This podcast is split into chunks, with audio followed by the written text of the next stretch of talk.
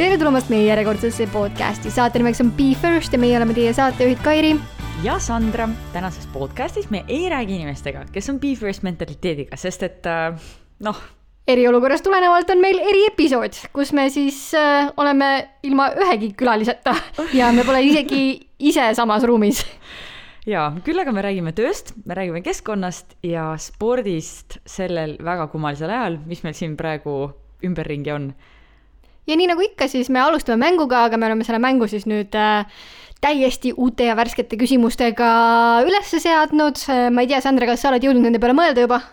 ma ei ole, sest ma lihtsalt mõtlen praegu selle peale, et siin on väga kummaline olla, sest et ma lihtsalt vahin oma aknast välja ja, ja mõtlen selle peale, et, et ma pean kõvasti rääkima, siis kui auto tuleb, et seda häält ei oleks kuulda. aga ei, ma ei, ma ei ole väga jah jõudnud nende peale mõelda, et ma arvan, et see ongi selline äh, be first olukord ka praegu, et äh,, et siis proovime puusalt tulistada nii on, nii et äh, hakkame täiesti uute küsimustega pihta. Äh, Sandra, esimene ekstreemsus ma pean korra mõtlema, mul tuleb kohe viimane ekstreemsus meelde, mis on praegu seesama asi, mida me siin teeme. ei, mu esimene ekstreemsus, mul tuleb meelde, see oli tegelikult äh, ühes Soome mm, lõbustuspargis, ma arvan, et kas see oli mingi Särganiemi või mingi selline, selline või Linnanmägi ja, ja me läksime sinna perereisile, me käisime, kui ma olin väike, siis me käisime päris tihti perega Soomes, meie tuttavatel oli seal oma saar, mis on Soomes väga nagu levinud asi üleüldse. ja siis nemad viisid meid äh, siis äh, lõbustusparki ja, ja ma mäletan seda, et no mina olen eluaeg olnud selline, et mul hakkab hullult halb nagu kui kõigutavad ja sellised, mulle ei meeldi sellised, sellised äh, atribuudid üldse.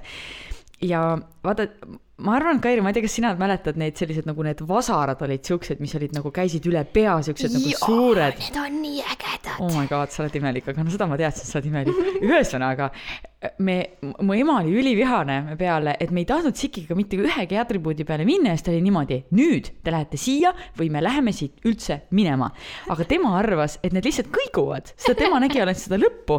Ja ma ütlesin emale, et ei, et need lähevad üle pea. Ja ema oli nii, et ei, need ei lähe üle pea, need ainult kiiguvad, te lähete siia peale või siis muidu me läheme kohe minema. ja põhimõtteliselt ta sundis meid sinna peale minema ja mu ema, ma arvan, ta nagu siiamaani kahetseb seda, et ta meid sinna peale pani, sest ta ütles, et me olime üliväiksed, mina olin olin vist mingi ma ei tea, kas ma olin mingi kuus või seitse ja Siki oli siis minust nagu kolm aastat noorem. Ja ma vist olin veidike vanem ja ma olin midagi kümne ringis äkki, aga Siki oli üliväike, ma mäletan seda, et ma hoidsin Sikit kinni, et ta sealt nagu välja ei kukuks põhimõtteliselt, ma ei tea, kuidas meid sinna üldse sisse lasti. et, et kes see inimene oli, kes seda tegi, aga ühesõnaga, see oli minu esimene ekstreemsus ja ma tegin seda täiesti vastu oma tahtmist. Ja peale seda ma siis äh, äh, umbes äh, kaks tundi olin seal selle jõe ääres hingasin värsket õhku ja toitsin kalu. Ja ma, ma mäletan oma ema nägu lihtsalt, kui ta oli seal, ta oli jooksnud sinna selle selle naise juurde, kes siis seda asja siis nuppudele vajutas. Stop this thing, stop this thing, my kids are there. umbes siis naine on niimoodi, sorry, ma ei saa midagi teha, see peab nagu lõpuni käima. kas te saite vähemalt mingi suhkruvatti või midagi selle eest, et te siukse nagu nalja teed või? ma ei tahtnud mitte midagi süüa peale seda, kui ma selle asja atribuudi peale ära, ära olin käinud, et ma tahtsin lihtsalt, lihtsalt värsket õhku hingata ja, ja, ja, ja kalu toita usu vaesekene küll. nii, Kairi, aga mis sinu esimene suur ekstreemsus oli? ma, ma üldse ei mäleta, ma ausalt öeldes isegi ei mäletanud nagu Tivolit, kui ma praegu mõtlen tagasi, milline oli Pärnus Tivoli, siis ma arvan, et see on üks suur ekstreemsus, sest see on ikka hunnik roostet lihtsalt. aga mina ei võtnud seda kunagi ekstreemsusena lihtsalt sellepärast, et nagu it was fun. kui ma mõtlen tagasi, esimene ekstreemsus, siis ma arvan, et äh, minu jaoks oli see siis, kui ma, issand, kas see oli viis aastat tagasi või? Mm, käisin äh, Eurotripil üksinda, et see oli minu jaoks nagu sihuke väga komfortsoonist väljaminek, eriti kuna Roomas ma äh, kaotasin ära nii oma isikut tõendava dokumendi kui oma krediitkaardi, kui oma tavalise pangakaardi, nii et mul ei olnud raha ega midagi, et äh, see oli nagu ekstreemsus omaette, jah. okei okay,, vau wow ja sa tegid seda iseendale, ma saan aru, et mind veel pandi sinna nagu vastu tahtmist, aga sa läksid ise vabatahtlikult. no üheksakümmend protsenti oli väga fun, nagu paar siukest väga stressirohket olukorda olid, kus ma mõtlesin, et keegi ikka hoiab mind kuskilt ülevalt poolt no neid peab ka olema. ja nii on. aga Sandra, karantiin on toonud enamuse meie ellu väga uue toreda platvormi, milline oli esimene sinu TikTok? Kusjuures minul oli TikTok enne seda möllu, ma võtan selle kohe lahti, ma ei tea, kas ta hakkab nüüd äh, karjuma ka kohe minu peale, vist kohe ei hakka. ma korra vaatan.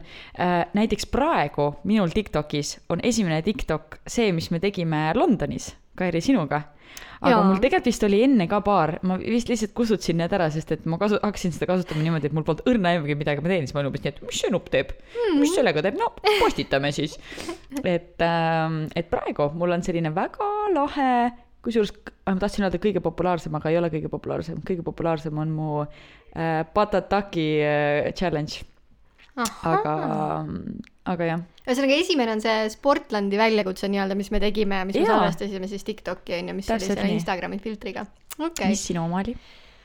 Uh, no mul on musical'i aegadest oli üks, aga ma arvan, et see vist ei lähe arvesse, nii et kui me mõtleme esimene TikTok, TikTok, siis on see Can't touch this ehk siis äh, Aa, väga sellesse teemasse, mis praegu on.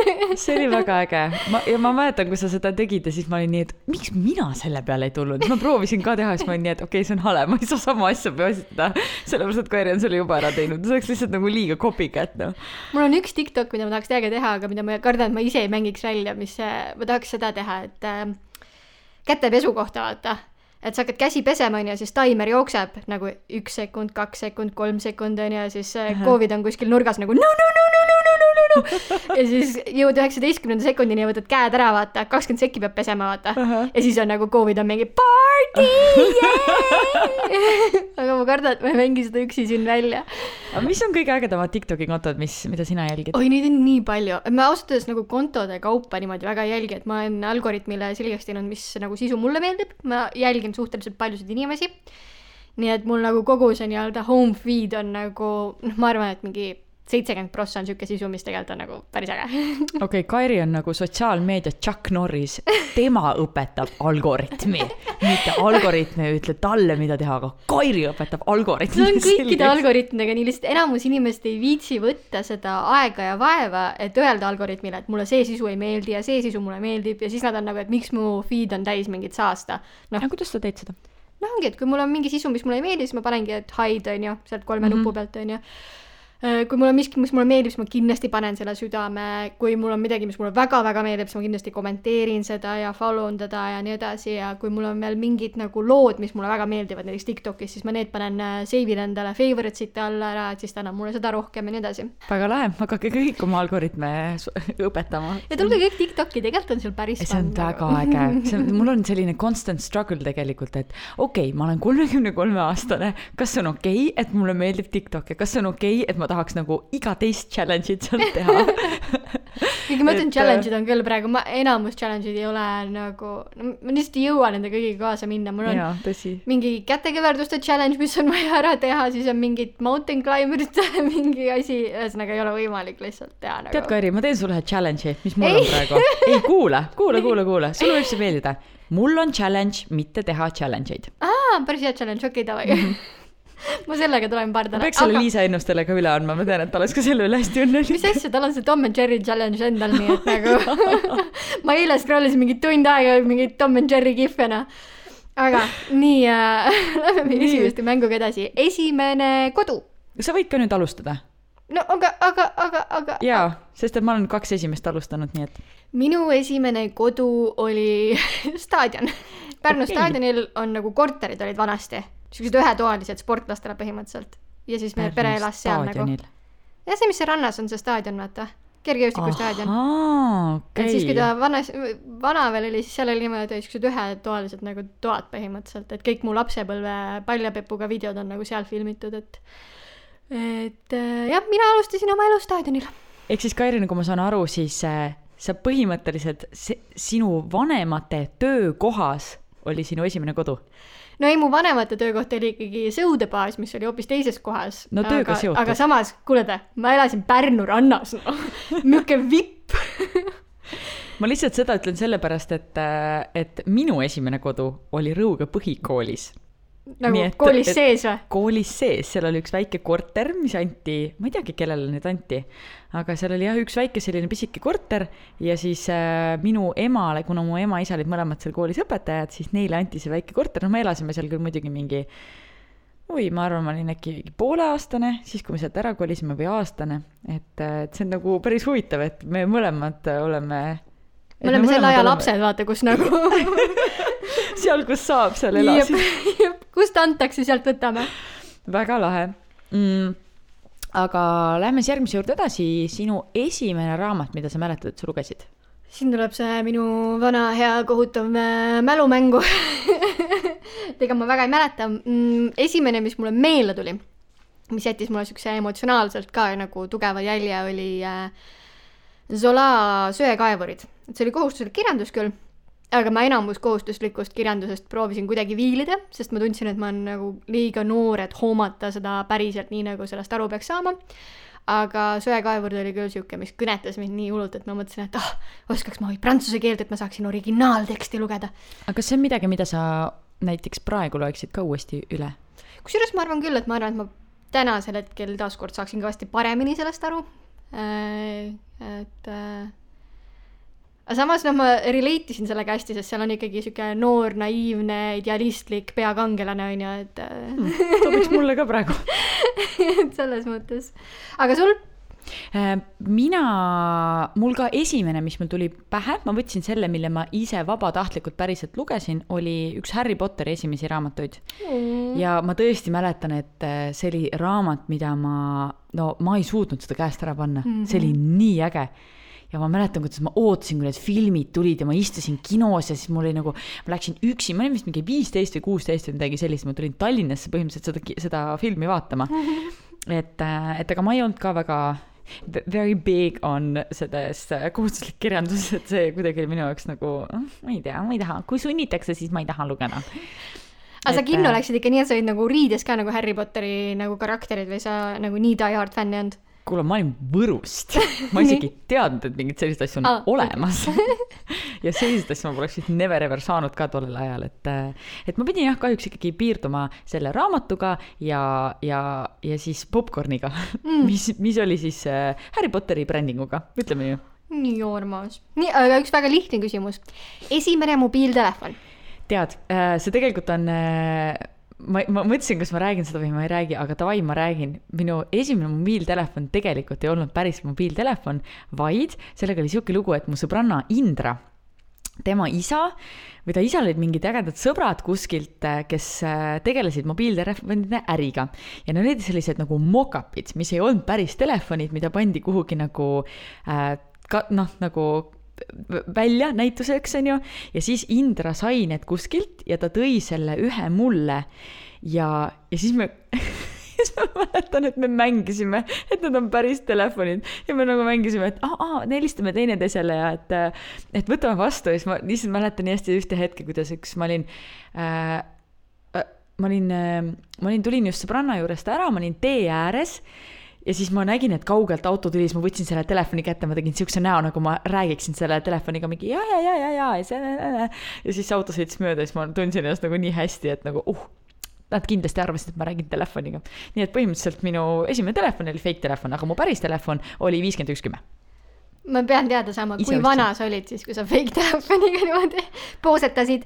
ma arvan, et ma olin mingi, ma arvan, see oli mingi kolmteist, neliteist või midagi Mm. sellist. see on siuke tuusamise vanus küll nagu. ja, ja, ja või kaksteist, kolmteist, midagi sellist. täitsa johmu, kuidas sul oli? Äh, mul oli sama, mis sul viiskümmend üks kümme. sul oli päris jah? ja mul oli siis päris. mängisin enamasti ussi sellega ainult, aga no nii mi,, mitu, mis värvi su korpus oli? sinine, ei, ei sinine oli see kolmkümmend kolm kümme, hall oli vist mingi tavaline, täiesti okay. tavaline. kas said vahetada ka neid või? jaa, minu arust sai küll, ma mingi hetk tahtsin mingit tumepunast või midagi siukest. mul oli nagu tumepune. mäletaks. oli tumepunane, noh, Mhm. no näed siis. Me oleks match inud. nii, aga Kairi, järgmine küsimus. esimene kord, kui jäid purju. no thanks, et sa mulle nagu selle küsimuse panid. absoluutselt. ma ma juba väga ootan, kuidas meie küsimused, need äh, külalised nendele küsimustele hiljem vastama hakkavad. aga esimene kord, kui ma purju jäin, siis ma tegelikult ei teadnud, et ma purju jään, sest ma ei teinud seda taotluslikult, et ma nagu ei, ei mõelnud, et ma nüüd joon, tarbin alkoholi. et ma Nii. läksin äh, Tartusse oma täditütrele külla ja neil oli parasjagu siis Tartu güm-, kunstigümnaasiumi mingi lennu nii-öelda lõpetamine ja siis äh, istuti kõik, vaatasid mingeid maale, mängisid mingeid lolle mänge, jõid mingeid limonaade ja mina oma arust jõin ka siis ilusasti limonaadi. ja siis, kui me õue läksime, hakkasime neid ähm, veepomme nagu loopima mingite suvaliste asjade pihta, siis ma tunnen järsku, et pea käib nagu ringi nagu weird on nagu natukene olla ja siis ma küsisin oma täditütre käest, et kuule, et mul on nii imelik olla, et ma ei, nagu ei, päris ei saa aru, et mis toimub, onju, siis ta mingi ega sa seda limonaadi ei joonud, ma olen mingi, jaa, jõin. aa, no see on äh, siider. okei, no selge, tore teada. ehk siis sihuke kogemata purju jäämine. ma tõesti järgmist- ausalt ei tahtnud. kas sa järgmist hommikust ka mäletad midagi? mu mälu ei mäleta midagi enam sellest ajast, nagu see oli nii, nii ammu aega tagasi, aga ma arvan, et ei olnud nii hullu nagu selles mõttes, et see oli ikkagi siider, et ma lihtsalt tundsin ise, et see on nagu, et kummaline on olla, vaata. Et järelikult ikkagi purju jäin, aga sina? no ma olin väga teadlikult No no,, nii. ikka väga teadlikult. jälle, ma olin jälle Indra juures, Indra, ma ei saa aru, mis värk selle Innuga oli. ma, me saime kuskilt mingi veini ja siis me lahendasime seda veini ja ma mäletan ikkagi väga hästi, et, et see oli, see hakkas ikka nagu niimoodi niitis, et see oli ikka täitsa, täitsa hirmus ja ma mäletan seda, et ma läksin koju ja siis ma, ma ei, ma ei tea, kas ma räägin seda, lugu. pärast saab kõike välja lõigata, kui on vaja lulla. ei tead, ma ei hakka seda lugu rääkima, ma ei oska seda ilustada kuidagi, ühesõnaga see oli päris huvitav, see oli päris huvitav kogemus ja, aga et mina, mina jah tegin seda täitsa nagu teadlikult, jõime veintsi. Vähemalt kohe esimene... alustasid kultuurselt nagu. Abs-, jaa, absoluutselt, ma arvan, see oli mingi Polino või mingi selline asi, selline nagu kõige odavam asi, mis üldse, mis üldse saada, saada oli kunagi tol ajal, ma isegi ei mäleta, kust me selle saime. mis ei olegi väga oluline, aga noh, oh, need nipitrikid, neid teavad noored ise tänapäeval, ei ole vaja siin mõtteid anda. täpselt. aga esimene kord, kui sa teadlikult valetasid. Kusjuures see võis vabalt olla seoses sellesama alkoholi teemaga. jaa, ja kusjuures see võiski olla sellepärast, et ma mäletan, et mu, ma jäin oma vanematele vahele ja mu ema küsis, et, et mida sa joonud oled. ja siis ma ütlesin selle peale, et, et ma jõin paar lonksu, paar lonksu õlut jõin ja, ja tegelikult miks õlu parem on kui vein? ei, ma vist ütlesin, et ma proovisin õlut või midagi sellist, ma ei tea, miks ma õlut ütlesin, see tundus kuidagi nagu normaalsem vist tolle, tol ajal, sest et nagu ma ei, ma ei tea, ma, ma tundus, et see, see võis vabalt olla esimene kord, kui ma päriselt äh, valetasin ka. Mm, okay. vähemalt see tuli mulle esimesena kohe pähe, aga see oli nii lambi vale, et nagu miks sa no tead oh,, neid on nii palju, neid lambivalesid, mille peale praegu mõtled, nagu miks? noh, jah. aga Eri, sul? uh,? ma arvan, et mul oli, noh, tõenäoliselt oligi lihtsalt mingi väljaminemise kohta ütlesin, et ma lähen magama või midagi siukest ja siis tegelikult ronisin aknast välja ja läksin jalutama või midagi, et kas seda juhtus tihti? ja mu vanemad äh, andsid mulle sellise toa, mille all oli täpselt rõdu. nii et ma sain nagu aknast välja hüpata rõdu peale, rõdu pealt alla hüpata, et ma olin küll teisel korrusel onju, aga, aga ma sain ilusasti nagu alla sealt ronida. Põhimõtteliselt see oli nende süü. ja ei noh, selles mõttes, et see oli väga Nad ise panid su sellesse olukorda. et tõenäoliselt jah, oli midagi siukest, et mõtlesin, et aga ma üldse ei läinud nagu kuhugile peole või midagi, ma olingi siuke, kellel meeldis äh,, ma olin see mm, emotsionaalne teismeline, kes käis jalutas jõe ääres ja vaatas kuud ja kirjutas luuletusi samal ajal oma vihikusse, et see nagu nii ilus. on onju. seda, ilma selle valetamiseta, valetamise osata, seda võiks rohkem olla praegusel ajal ja täiskasvanud võiksid ka seda rohkem teha, käia öösel või ma ei tea, mitte öösel, käia ringi, vaadata kuud ja tähti ja kirjutada selle kohta. no võib-olla tõesti, ma arvan, et äh, tänasel hetkel väga paljud inimesed on juba nii hullunud, et teevad ka seda. aga jah, nagu kuulda. oo, Kari, kas see on sinu või minu juures? mingi, võiks arvata, et mina elan vaata nagu haigla lähedal onju, et mul oleks nagu siuksed helid, aga You sul seal, never know, you never know. sulle tuldakse järgi jah? ei tea, loodetavasti mitte. nii, aga esimene töökoht, kas sa vastad või ma vastan? vasta. ähm, see, see, mida ma mäletan, et minu esimene töökoht oli mu ema, kui ma olin noor, siis mu ema oli sihuke nagu huvitav, mu ema praegu ka väga, väga huvitav inimene, aga ta kogu aeg sokutas mind mingisugustes kohtades, ta kogu aeg tahtis, et ma saaksin mingisugust äh, sellist põnevat kogemust. ja, aa, oota, mul tuli meelde, ma vahetan oma vastust. mu esimene töökoht oli siis, kui ma käisin Soomes ühes, ühes talus tööl, kui ma ei eksi mm..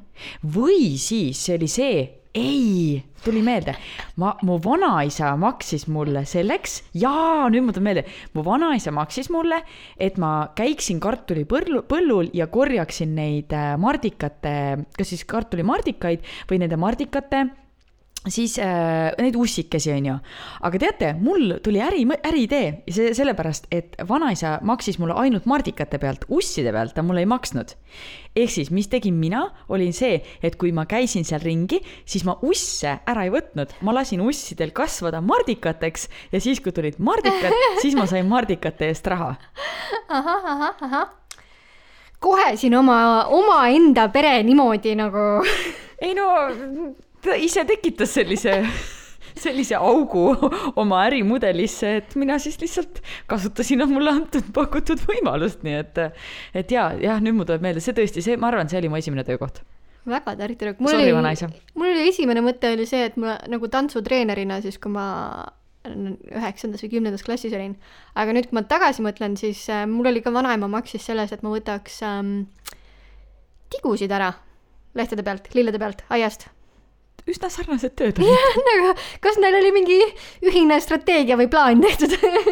kas sa said ka teo pealt said raha või sa said ja, ja ikka teo pealt ja, ja palju oli, mäletad üldse ei mäleta, ma arvan, mingid sendid, mingi kümme senti enam-vähem.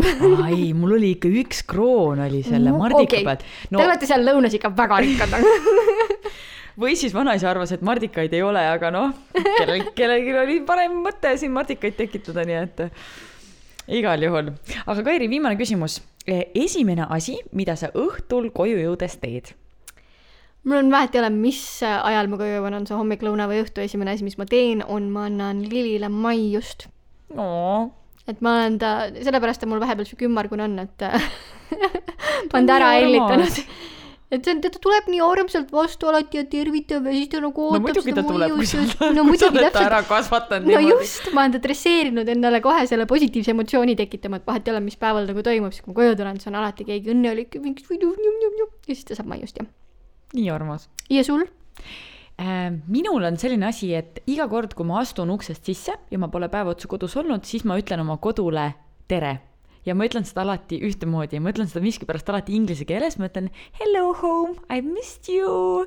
ja see on naljakas, see kuidagi algas, ma ei mäleta, kust see algas, see vist algas kunagi siis, kui ma tulin mingit pikemalt äh, äh, pikemalt reisilt koju ja siis ma tundsin, et mul oli nii hea meel koju tagasi tulla. Ja see kuidagi jäi külge. Ja nüüd iga kord, kui ma tulen, siis ma olen niimoodi hello home, I missed you.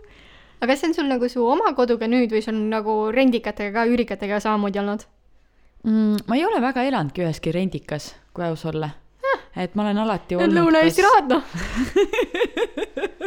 no eks siis nüüd mardikate korjamise eest on ikkagi veits kõrvale pandud jah. ei, mul on lihtsalt niimoodi, ma ei tea, kas seda, kas seda on nagu mõistlik öelda, et vedanud, aga ma olen, kui ma Tallinnasse kolisin, siis ma kolisin oma vanaema juurde, nii et ma elasin vanaemaga koos hästi pikalt. Ja siis ma kolisin ühe peika juurde ja siis ma kolisin tagasi vanaema juurde, siis ma kolisin teise peika juurde. Ja siis ma kolisin tagasi vanaema, siis ma vahepeal elasin välismaal. Ja siis, kui ma vanaema juurest kodi-, kolisin ära, siis mu õde elas ühes korteris, mis oli ka meie perekorter. Ja tema alles kolis oma peika juurde, mina kolisin sinna korterisse, ühesõnaga, ja peale seda olen ka ma, olen ma nüüd oma korteris, päris, päris oma kodus, nii et, et mul jah, on kuidagi vedanud, et ma pole väga, väga nagu üürikates elanud. nunnu. Ma ei tea, kas see on äh, rekordpikkusega esimeste osa või ei ole, mul on siuke kahtlane tunne, et võib-olla on. jaa, aga meid oli kaks ka. no meil on siin olnud küll podcast'i, kus meil on kaks. no ma arvan, et Oti oma on oli pikem. podcast'i, kus meil on kolm külalist, nii et. kus meil kolmega oli? üritab meenutada. kes meil oli kolm? ei ole ju olnud. Kaks on kõige rohkem olnud. mõtle kõige esimese podcast'i peale näiteks oh.. aa jaa, muidugi, Traadatak. siinkohal kõigile, kes äh, on äh, Tradataki fännid, siis äh, palun ärge kuulake meie kõige esimest podcast'i. nagu lihtsalt palun ärge tehke seda endale. meil tuleb uus episood nendega, et ähm, kannatage see ära. aga Kairi, kui sa mõtled tagant nüüd praegu nende esimeste podcast'ide peale, siis äh, mis emotsioonid sul tekivad? ma ei tea, ma ausalt öeldes ei ole neid kuulanud, sest mulle nagu nende helikvaliteet nagu nii väga ei sümpatiseerinud, sest me nagu ei teinud väga midagi selle jaoks siis onju mm. -hmm. et ma ei tea, võib-olla nagu sisu poole pealt on võib-olla isegi täitsa okei okay,, sest tegelikult ma ütlen ausalt, et alguses ma olin küll nagu rohkem sihuke pedantlik, hästi palju nagu uurisin ja tegin ja valmistusin, aga nüüd praegu on nagu pigem sihuke, et uh, let's go with the flow, vaatame mm, -hmm. mis siit tuleb. Jah. ja sul, oled kuulanud tagasi? ei ole, ma ka, ma miskipärast ka ei julge, ma, ma osasid olen kuulanud, mõningaid podcast'e ma olen kuulanud, aga, aga ma pean tunnistama, et kõiki ei ole. et tegelikult oleks täitsa tore neid, neid uuesti kuulata, et tegelikult ise õpid ka hästi palju. Äh, kuidas ma siis võin öelda, et nagu äh, ajakirjanikuna nendest, aga ma mäletan seda Tradataki oma, ma olin nii närvis, ma olin nii närvis, sest et nad, nad olid nagu minu nagu üks lemmikbände. ja mul oli nagu käed värisesid, kui ma seda Sandra Vabarnat vaatasin. ma mõtlesin nagu oh my god, aga no igal juhul. mulle see nagu, mulle see nagu istub jube hästi, ma olen täpselt sihuke nagu ema lõvi nagu natuuriga. et kui mu kõrval on inimene, kes natukenegi kardab, siis isegi kui ma ise kardan, siis mul nagu üldse kaob ära täiesti see, vaata. et siis, siis mul lööb välja see, et oh ma kaitsen, kõik teeme hästi, ei ole midagi. sellepärast meil töötabki see nii hästi et kui mina olen siuke, ma ei tea, Kairi, mis nüüd saab, siis Kairi on siuke chill, chick. All is good. Calm down now, calm self now, aga mm, ma arvan, et alustamegi täpselt nii, nagu me kogu aeg oleme seda teinud, et äh, nagu eestlased ikka, me räägime tööst. räägi natuke sellest, et kuidas sul praegu üldse, mismoodi sinu töö tegemine käib? Tead, ma arvan, et äh, meil vist on nagu suhteliselt lihtsalt see üleminek läinud, sest me mõlemad oleme nagu freelancer'id, mis tähendab seda, et me ei ole võõrad kodus töö tegemisele nii-öelda.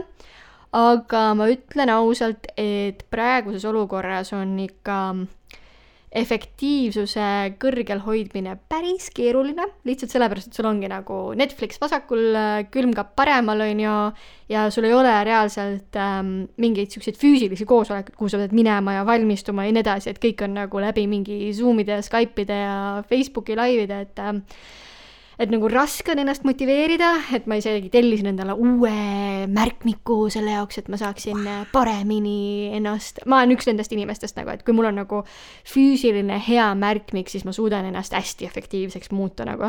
ma digitaalsete versioonidega üldse ei suuda, aga siis kui mul on füüsiline märkmik, siis ma olen nagu, siis ma olen nii organiseeritud, et enam rohkem organiseeritud ei saa olla. et ta on nagu keeruline just sellepärast, et seda inimkontakti tegelikult ju ei ole, on ju, mida oled harjunud nagu saama aga, aga ma arvan, et ma olen selle nagu enda jaoks ilusasti ära struktureerinud, et ma olen pannud ikkagi ajakava, et sellest kellaajast selle kellaajani ma pean seda tegema ja sellest kellaajast selle kellaajani on mul kõik äh, konverentsikõned ja nii edasi, nii edasi, nii et äh, ta ei ole nagu väga palju muutunud, ainus asi, mis muutunud ongi see, et ei ole mingeid pildistamisi ja filmimisi ja podcast'i. Me teeme üle mingi internetilainete. See on midagi, mida sa igatsed vist, mulle tundub mm,? ma ei ole jah väga sihuke nagu paigal istuja tüüpi inimene, et ma nagu isegi kui ma freelance in ja töötan üksinda tegelikult, siis mu töönädal ei näinud kunagi välja nii, et äh, ainsad inimesed, keda ma näen, on elukaaslane ja koer, on ju. et ma ikkagi nägin kogu aeg, olid erinevad koosolekud, erinevad filmimised, erinevad pildistamised, kogu aeg oli hästi palju inimesi ikkagi ümberringi. et ma olen pigem nagu introvertne inimene, nii et ma esimesed kaks nädalat olin nagu oh, yes! ma ei pea kuhugile minema aga siis kuskil kolmandal nädalal saad aru, et äh, tegelikult nagu tööalaselt tahaks minna oled sa midagi uut enda kohta näiteks õppinud selle perioodi jooksul uh,? jaa, kindlasti, sest sa oled ju nii palju iseendaga nagu nelja seina vahel, et sul ei ole nagu kuhugile joosta, et äh, et mingeid asju nagu teha, et sa pead endaga nagu rohkem tegelema. aga töö kontekstis, kuidas sul seal on, sest ma saan aru, et sa siin rabeled ikka mitmel rindel praegu kuule, no mul igav ei hakka jah, ma ütlen ausalt, et minul tuli selle, selle praeguse situatsiooniga nagu tegemisi kõvasti juurde. aga äh, ma duubeldan kõike seda, mida sa ütlesid ja ma pean äh,, ma võib-olla siis võtan selle äkki niimoodi kokku, et äh, ma mõtlesin selle peale eile minul on ka kohati keeruline ennast äh, distsiplineerida, sellepärast et äh, kapid ju vajavad koristamist ja põranda peal on mingisugune jama, mille peaks kohe kindlasti ära pesema ja nõud on vaja ära pesta, eks ole. et äh, ma olen võtnud enda jaoks hästi konkreetse siis suuna, et ma struktureerin oma päeva ära nii, et mul on plaan.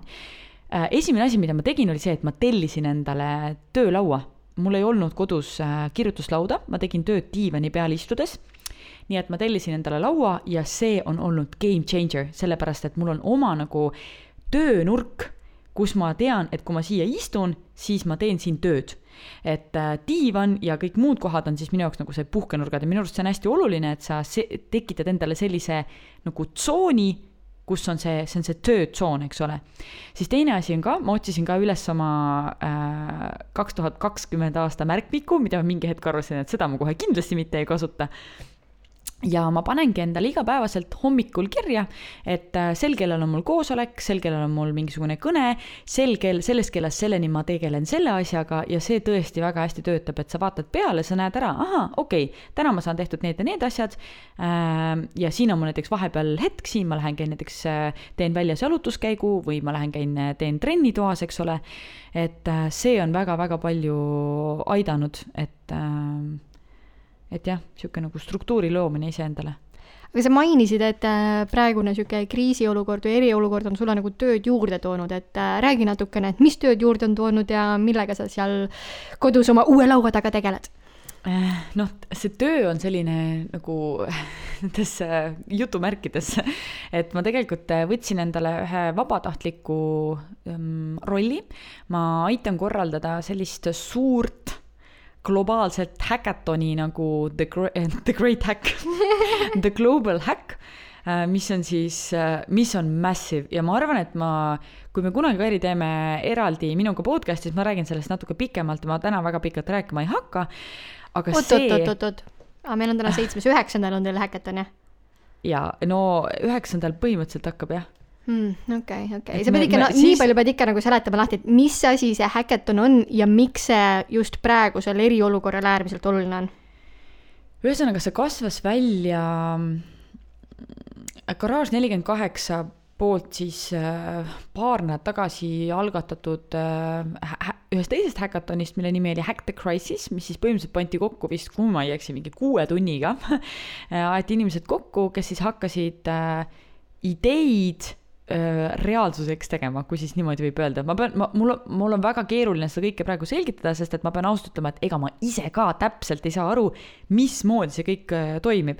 et ma pole, ma tulin siia korraldustiimi niimoodi, et ma pole ise mitte kunagi mitte ühestki häkatonist osa võtnud, ma küll tean, mismoodi need enam-vähem toimivad, eks ole, aga globaalsel tasemel sellist asja teha, no ma, ma, müts maha nende isi, inimeste ees, kes on seda aastaid teinud, kui ma kuulan, kui struktureeritult nad suudavad mõelda ja mis skaalas nad mõtlevad.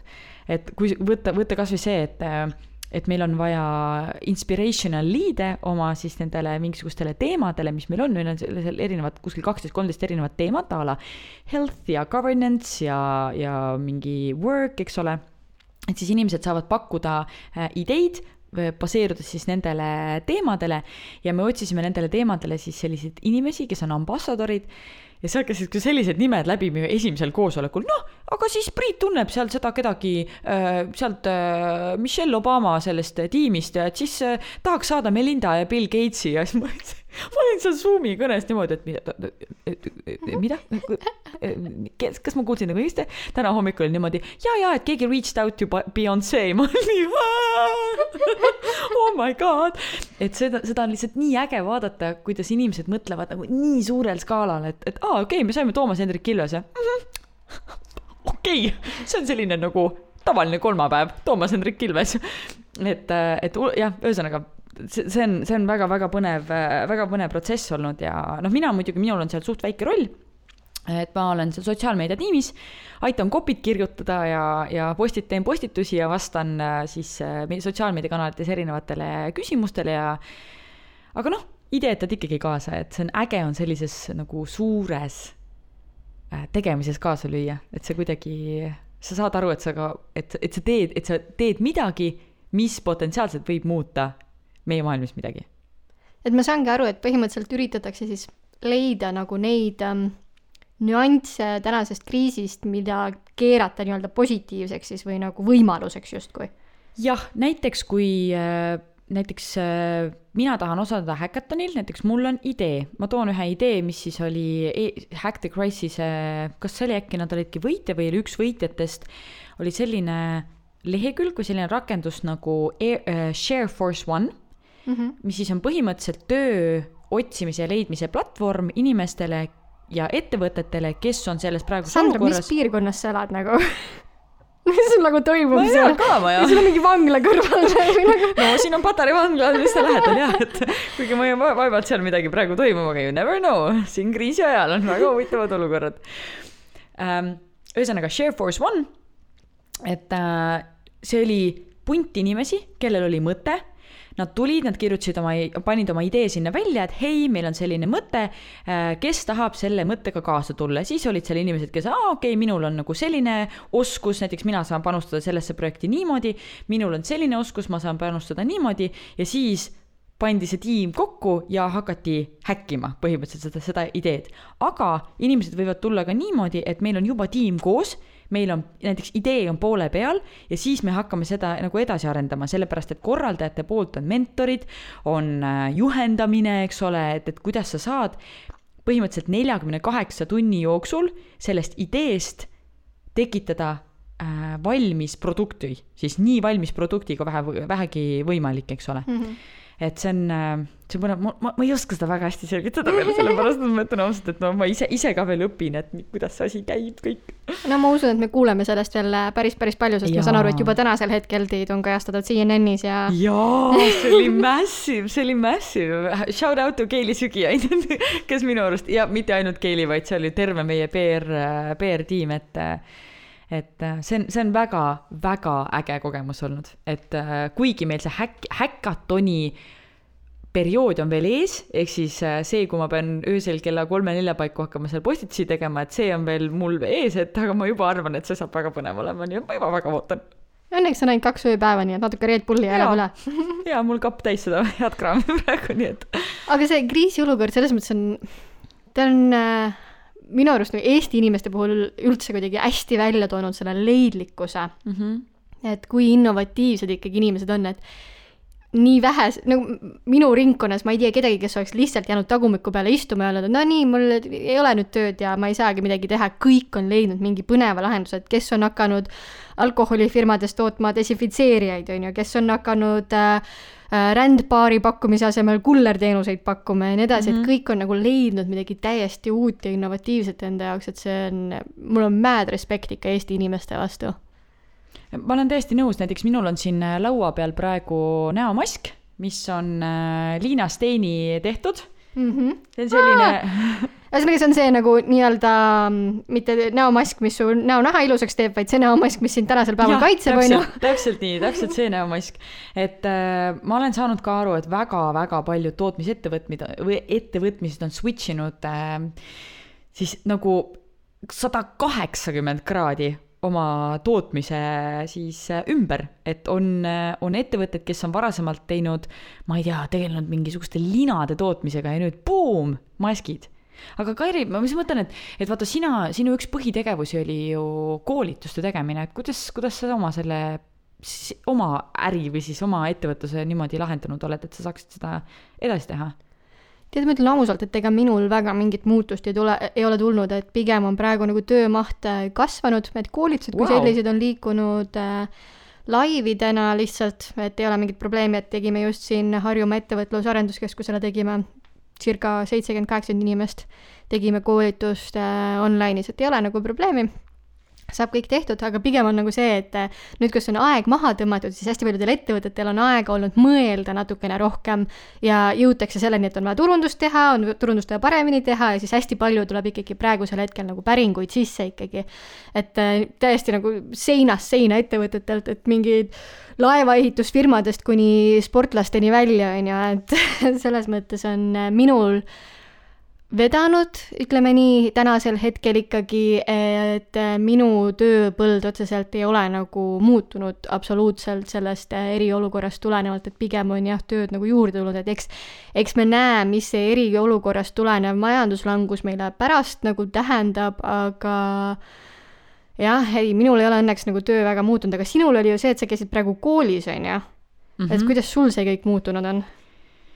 jah, no minu kool lükkus praegu edasi, õigemini mul oli täna hommikul oli selline koosolek, millest ma ei saanud osaleda, sellepärast et mul oli Hack the Crisis või õigemini The, the, the Global Hacki äh, koosolek, et ähm, aga üldiselt, tead, üldiselt mulle vaata, me mõlemad või kumbki ei ole sellised äh, nagu vingujad tüübid väga, et äh,, et kui midagi, kui midagi juhtub, siis me leiame viisi, kuidas selles olukorras siis edasi minna. mul endal lihtsalt on kohati olnud äh, nagu tunne, et, et see mentaliteet, mis mul endal on, on, see on okei okay,, see on minu olukorras okei okay,, aga tegelikult on nii palju inimesi, kes, kellel ongi päriselt väga suur jama käes.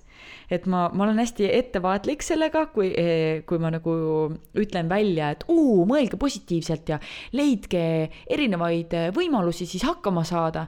et ma arvan, et paljud inimesed saavad seda teha, aga on väga paljud sellised inimesed, kes ei, kes ei suuda ja kes ei saa sellega kohe niimoodi hakkama, et, et. no aga kindlasti et... sul on mingeid nippe anda näiteks on ju, et sest sa oled ikkagi oma elus teinud ikkagi siukseid kannapöördeid erialaselt mm -hmm. ja nii edasi, et et kui nüüd peab hakkama mõtlema sellele, et noh, lihtsalt leiba on vaja lauale saada, et mm -hmm. kust siis nagu pihta hakata enda nii-öelda kas ümberharimisega või töö otsimisega, et kas sul on nagu mingeid näpunäiteid anda võib-olla? no fakt on see, et ega kedagi teist pole mõtet süüdistada ja seda olukorda pole mõtet äh, süüdistada, et, äh, et mis nüüd saab. aga see, olukord on ju kõiges süüdi Sandra, kõik oleks hästi, kui see Covid oleks püsinud kuskil rahulikult Hiinas, on ju. see on viirus, mida te inimesed lootsite, see on, see on nagu viirused levivadki massiivselt niimoodi, et et noh, ma arvan, et keegi ei oleks osanud arvata, et see nagu nii hulluks läheb, aga it is what it is, olukord on selline, ma ei tea, mina võib-olla soovitaksin äh, ka nagu tõesti kasutada seda aega ära selleks, et saada aru, kas see töö, mida sa oled aastaid teinud, on päriselt see, mida sa tahad teha, sest et äh, on ju väga palju erinevaid ähm, online kursusi või äh, õppekeskkondi, mis pakuvad hetkel tasuta võimalust ennast äh, siis harida. et kui sa võtad näiteks Udemy või äh, ma ei tea, Coursera üks oli veel Class äh, Central, mõlemad on punkt kom lõpi, lõpuga, siis kõik kolm on, on punkt kom lõpuga. mis ma ütlesin, lõpiga või? sa ütlesid kaks, aga meil kolm ah, siin oli sul praegu. Sorry no täpselt, see on see, istute liiga kaua aega üksi aga sa ise äh, kasutad neid, oled sa õppinud sealt ise midagi uut absoluutselt äh,, ma olen valinud välja vähemalt ah. kuus erinevat äh,, erinevat asja siis, mida ma tahan teha aga Nii, ma ei ole veel ühegi juurde nendest jõudnud. kusjuures mul on see tab isegi lahti, ma võin selle lahti võtta, et mis on Nii. need, mis ma olen enda jaoks välja otsinud. ja aga teate, ma teen seda väga tihti niimoodi, et ma valin uu, uu, uu, oo ja seda ma nüüd ma hakkan kohe tegema ja siis ma noh ei jõua seda teha. aga nüüd sul ei ole nagu, noh, nüüd sa jõuad seda teha.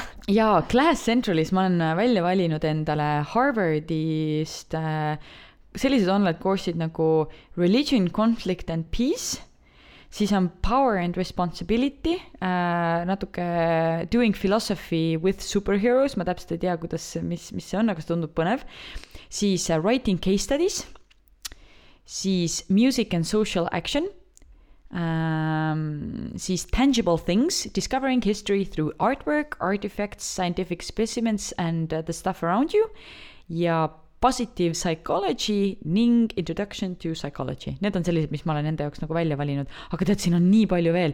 siin on üks väga lahe mm, link, on äh, sellisel lehel nagu freecodecamp.org ja siis vist news alt leiab Ivy League äh, free online courses. et ma tean, et siin äh, meie ühine sõbranna Liisa Ennuste ütles, et tema käis siin vaatamas ja mõned, mille peale ta klikkis, et need olid ikkagi tasulised, aga need kõik, mille mina olen välja valinud, need olid kõik täitsa, täitsa tasuta. aga ma muidugi ei tea, mis, mis tasemel need on või et, aga noh, midagi. no see on muidugi sihuke, ütleme, enese are-, arendamise ja leidmise pool, on ju. et kui me räägime tänasel hetkel sellest, et vaja töökohta vahetada näiteks mm. -hmm et noh, ütlemegi, et tõepoolest sa töötad asutuses, mis on nüüd kinni ja sul on vaja nagu online'is sa seda kõike teha ei saa, kaugtööna seda teha ei saa ja sa pead reaalselt ümber nagu õppima, tegema, siis kuidas sa läheneksid olukorrale? ma olen nüüd nii palju rääkinud siin. ma, ma lihtsalt ütlen lühidalt, et äh, ma arvan ja ma olen selle peale ise ka mõelnud, et äh, ma ei kardaks äh, astuda sammu tagasi. et kui ma olen näiteks olnud aastaid, ma ei tea, mingi juht ja ma pean vahetama äh, töökohta, sest et mul lihtsalt ei ole võimalust seda töö, tööd enam teha, siis ma oleksin valmis astuma nagu madalama positsiooni peale. ja ma arvan, et äh, see on võib-olla mingi selline hirm, mis inimestel on, et oh, ma olen nagu aastaid teinud seda ja olnud sellel positsioonil, et kuidas ma nüüd, mis teised mõtlevad. et kui ma enam ei tee sellist asja või et mul ei ole nagu sellist autoriteeti enam või et, et keegi, kelle allu-, kes keegi oli minu alluvuses, et mina pean tema alluvusse tööle minema. ma arvan, et see on lihtsalt praegu aeg, kus inimesed peavad oma egod maha suruma ja tegema, tegutsema nii, et neil oleks võimalus panna Äh, järgmisel kuul äh, leib laua peale, isegi kui see tähendab seda, et sa pead astuma oma karjääriredelil sammu tagasi. ma ei tea, kuidas, kuidas sina sellesse, sina sellesse suhtud või mis sinu väljavaadet selles on? ma arvan, et ma olen sinuga suhteliselt ühel pardal, et tegelikkuses ma vaataksin ka, ütleme, et kui nüüd juhtuks täiesti päevapealt niimoodi, et kõik mu kliendid ütleksid, et nii, Kairi, kõik nagu, et äh, me ei telli enam mitte midagi, Never gonna minul on noh, see privileeg, et ma olen äh, tõesti viimased paar aastat väga tublisti säästnud ja kõrvale pannud, et mul ei ole nagu paanikat. aga kui oleks paanika, siis ma tegelikult täitsa nagu huviga või isegi kui ma mõtlen sellele, mul tekib sihuke väike naeratus näole. ma tahaks tegelikult proovida hästi palju erinevaid asju, mida ma ei ole teinud. et tõepoolest, ma teekski oma rattatrennid Woldi kullerina, miks mitte, on ju, ja ma läheks vaataks, kas ma suudan äh, seal Selveris olla kiirem kassamüüja, on ju, ja kõik piiksutada läbi lihtsalt turbokiirusel, et, et äh, ma nagu üldse ei muretseks selles kontekstis nagu oma imago pärast või et issand jumal, et äh, ma arvan, et see on võib-olla meie põlvkonna teema ka, et me, meil on hästi oluline see karjääriredel ja positsioon ja nimed, et kui me vaatame neid ametinimetusi ka, et siis keegi ei ole sekretär tänasel hetkel, kõik on mingi kontorijuhid, on ju. Et äh, aga kui me vaatame nooremat generatsiooni, siis minu arust neil on täiesti suva nagu. Neil on lihtsalt see, et peaasi, et raha tuleks sisse ja ma saaksin puhata ja rahulikult elada, on ju, et ei ole üldse oluline see, et ma oleksin mingi CFO, COO, mis iganes versioonid veel olemas on. et ma arvan, et jah, kui mul kaoks täna täiesti kõik kliendid ära, ma võtaks vabalt vastu mis iganes valdkond tänasel hetkel vajab lisakäsi Äh, ja roniksin ja prooviksin aidata kuidagi ja võib-olla tõesti läbiks mingisugused kursused, et äh, noh, minu õnneks on see ka, et ma ei ole otseselt riskirühm, on ju, mis tähendab seda, et ma saaksin näiteks võib-olla kuidagi aidata haiglates kas või mingite põranda pesemistega või mis iganes, et see tundub nagu nii mõttetu töö, on ju, aga samas see on oluline selle jaoks, et meie ühiskond saaks nagu funktsioneerida ja me saaksime võimalikult kiiresti sellest välja tulla, et minu jaoks ei oleks see nagu üldse probleem tänasel hetkel, jah. Aga noh, muidugi mul on ääretult kahju, et me, võib-olla siin praegu tundub nagu podcast'is me räägime natukene kergelt sellest teemast ja tegelikult me tahamegi rääkida pigem nagu positiivse alatooniga antud asjast ja proovimegi mm -hmm. leida olukorrast nagu positiivset poolt ja võimalusi mm, -hmm. kui et äh, rääkida kogu sellest negatiivsest poolest, et kui te võtate meediaväljaanded lahti, siis te saate kogu selle negatiivse poole, et me proovime anda pigem nagu seda, et äh, ei ole midagi, saame hakkama, tuleme välja tugevamatena ja, ja nii on. jah, täpselt see on alati selliste jutusaadete ja podcast'idega see, et sul, sa, sa alustad mingisuguse mõttega, aga sa ei suuda kõike lõpuni lahti selgitada ja et sellest ei jääks vale muljet, siis äh, sellega tegelikult peab päris palju selgitamise vaeva nägema, et, et mul on tõesti väga-väga kahju nendest inimestest, kes, kes, kes, kes tõesti kannatavad selle, selle praeguse olukorra all aga siin ei ole mitte midagi teha, vaid siin lihtsalt tuleb edasi liikuda. Ja, ja need, kes kiiremini edasi liiguvad, need saavad sellest ka kiiremini, kiiremini välja, et äh, räägivad majandusteadlased Raju ja Killing. Ma äh, tean majandusest kõige vähem üldse. jaa, mina täpselt, aga selles kontekstis, et tugevamana välja, siis äh, mingid asjad on meil kohe kindlasti nüüd tänu sellele olukorrale lähevad paremaks, on ju, et kui me alustame kõige nii-öelda lihtsamini nähtavast poolest, näiteks see, kuidas meie loodusel täna läheb tänu sellele, et me püsime kodus, ma loodan, et kõik püsivad ilusasti kodus või nii võimalikult palju kodus, kui vähegi saab. et kui me vaatame, mis mõju tegelikult sellel on, et me oleme nii-öelda looduse poolt nurka pandud ja öeldud, et istu kodus, see on tegelikult utoopiline, kui palju paremas olukorras meie loodus kohe tänu sellele on, on ju. välja arvatud Viru raba no ma saan aru, et tänasel hetkel on seal politsei on ees, nii et ei saa sinna kõik minna. aga ma mõtlen pigem nagu maailma mastaabis, et kui me vaatame, noh, National Geographic tegi selle kohta päris äh, põhjaliku loo, et tegelikult me näeme ilusasti ära nüüd inimtegevuse tagajärjel, et äh, mis need äh, mõjud on, et isegi Hiinas tegelikult sellel perioodil langes kõige rohkem oli vist miinus kakskümmend viis protsenti CO2 emissioon ja keskmine oli mingi kaheksateist protsenti, et see on ikkagi see on väga kõrge. see on väga kõrge, et tegelikult on nagu võimalik meil oma tegevust äh, tõmmata natukene tagasi ja võib-olla nagu see annabki võimaluse meil vaadata nagu teise pilguga natukene seda olukorda. mm. -hmm. Võib-olla said või nagu sellise kõrvalnäitena või märkusena, et see on hea, et sa tõid välja, et sa vaatasid seda infot National Geographicust, sellepärast et äh, selliste uudistega peab ka olema hästi ettevaatlik. oo, eriti praegu. eriti praegusel ajal jah, et. kas sa ikka kuulsid seda, et 5G on süüdi selles, et Covid üheksateist on? ära üldse. kas ikka nagu, mis sest, et Let's nagu Iraanis ei ole mitte ühtegi 5G torni, aga oh tead, ma sattusin mingisugust äh, artiklit lugema sel teemal ja ärme, let's not go there, et see on siinkohal nagu taaskord nagu, et Jaa. need on nagu Olge meie arvamused nende jaa. allikate põhjalt, mida meie jälgime ja Täpselt. tarbime. et, et ma alati sihukestes küsimustes soovitan võimalikult kriitilist mõtlemist säilitada. täpselt nii, et äh, ma mäletan, siin oligi, see oli ikka paar nädalat tagasi, kus äh, ringles Instagramis väga aktiivselt ringi see mm, Veneetsia, aa jaa, Veneetsia kanalite puhtuse pilt ja, ja sa lihtsalt äh, ma lihtsalt vaatan ja mõtlen, et, et, et äh, kui, kui kergekäeliselt tegelikult inimesed usuvad seda, mida neile lihtsalt öeldakse, et kusjuures ma sellesse üldse ei süvenenud ka nagu, see tundus mulle nagu fake news kohe, kui mul uudisvoos see läbi käis, nii et ma isegi ei süvenenud sellesse, kas sa süvenesid, et kust see nagu alguse sai, et kes seda jagama hakkas või mis nagu juhtus või?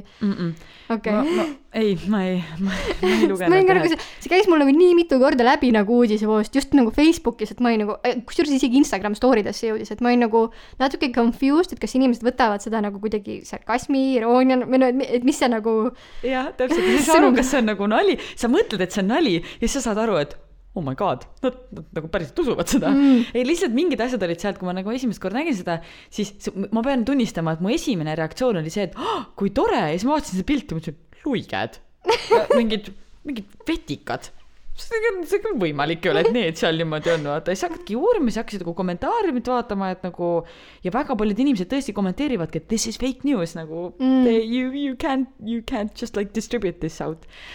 aga see Et, on jah ähm, paraku nagu jah, see on see tuleb meie... olla väga, väga, väga et, ettevaatlik, et ma pean tunnistama, et see on väga huvitav periood olnud ja ma olen hästi palju õppinud selle perioodi jooksul inimeste kohta, nii enda kohta ja ka teiste inimeste kohta.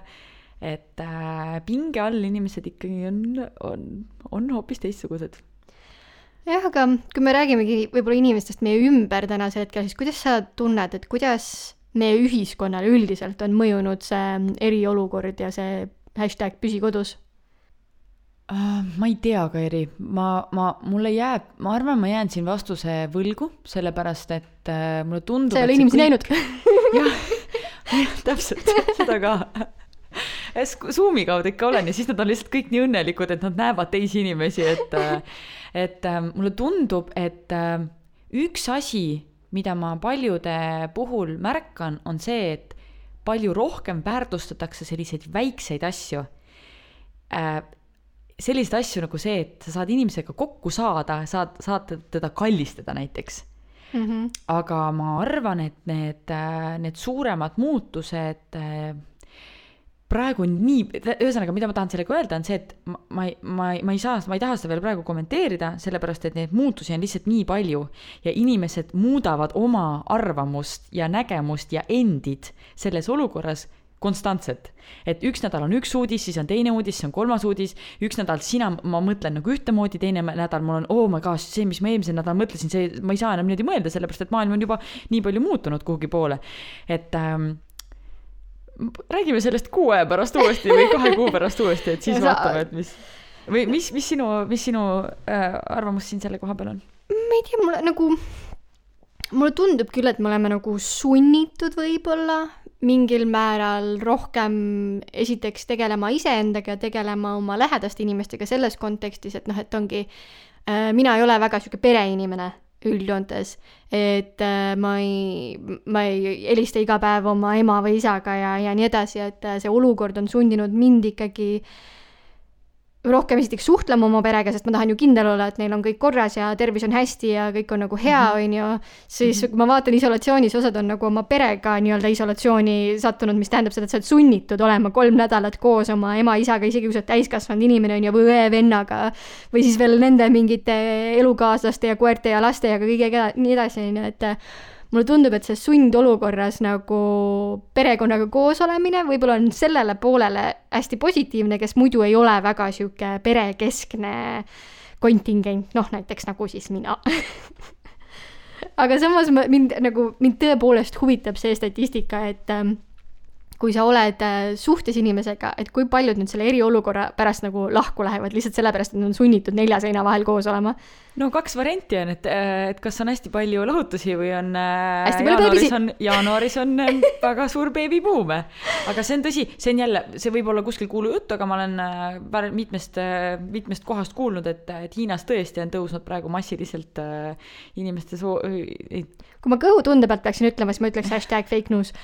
jah, tegelikult, ära pane seda sisse, palun aga, aga selles mõttes, et see on kindlasti äh, paljudele nii-öelda proovikivi, et vahet ei ole, kas sa oled koos isolatsioonis või sa oled täiesti eraldi ja pead proovima suhet äh, üleval hoida, et kindlasti nagu mõlemat pidi on keeruline, aga sina said kogeda seda täielikku äärmust selle koha pealt, et kui me Inglismaalt tagasi tulime, siis me mõlemad olime ju nii-öelda mm -hmm. karantiinis slaš isolatsioonis äh, ja sina olid seda täiesti üksi, on ju.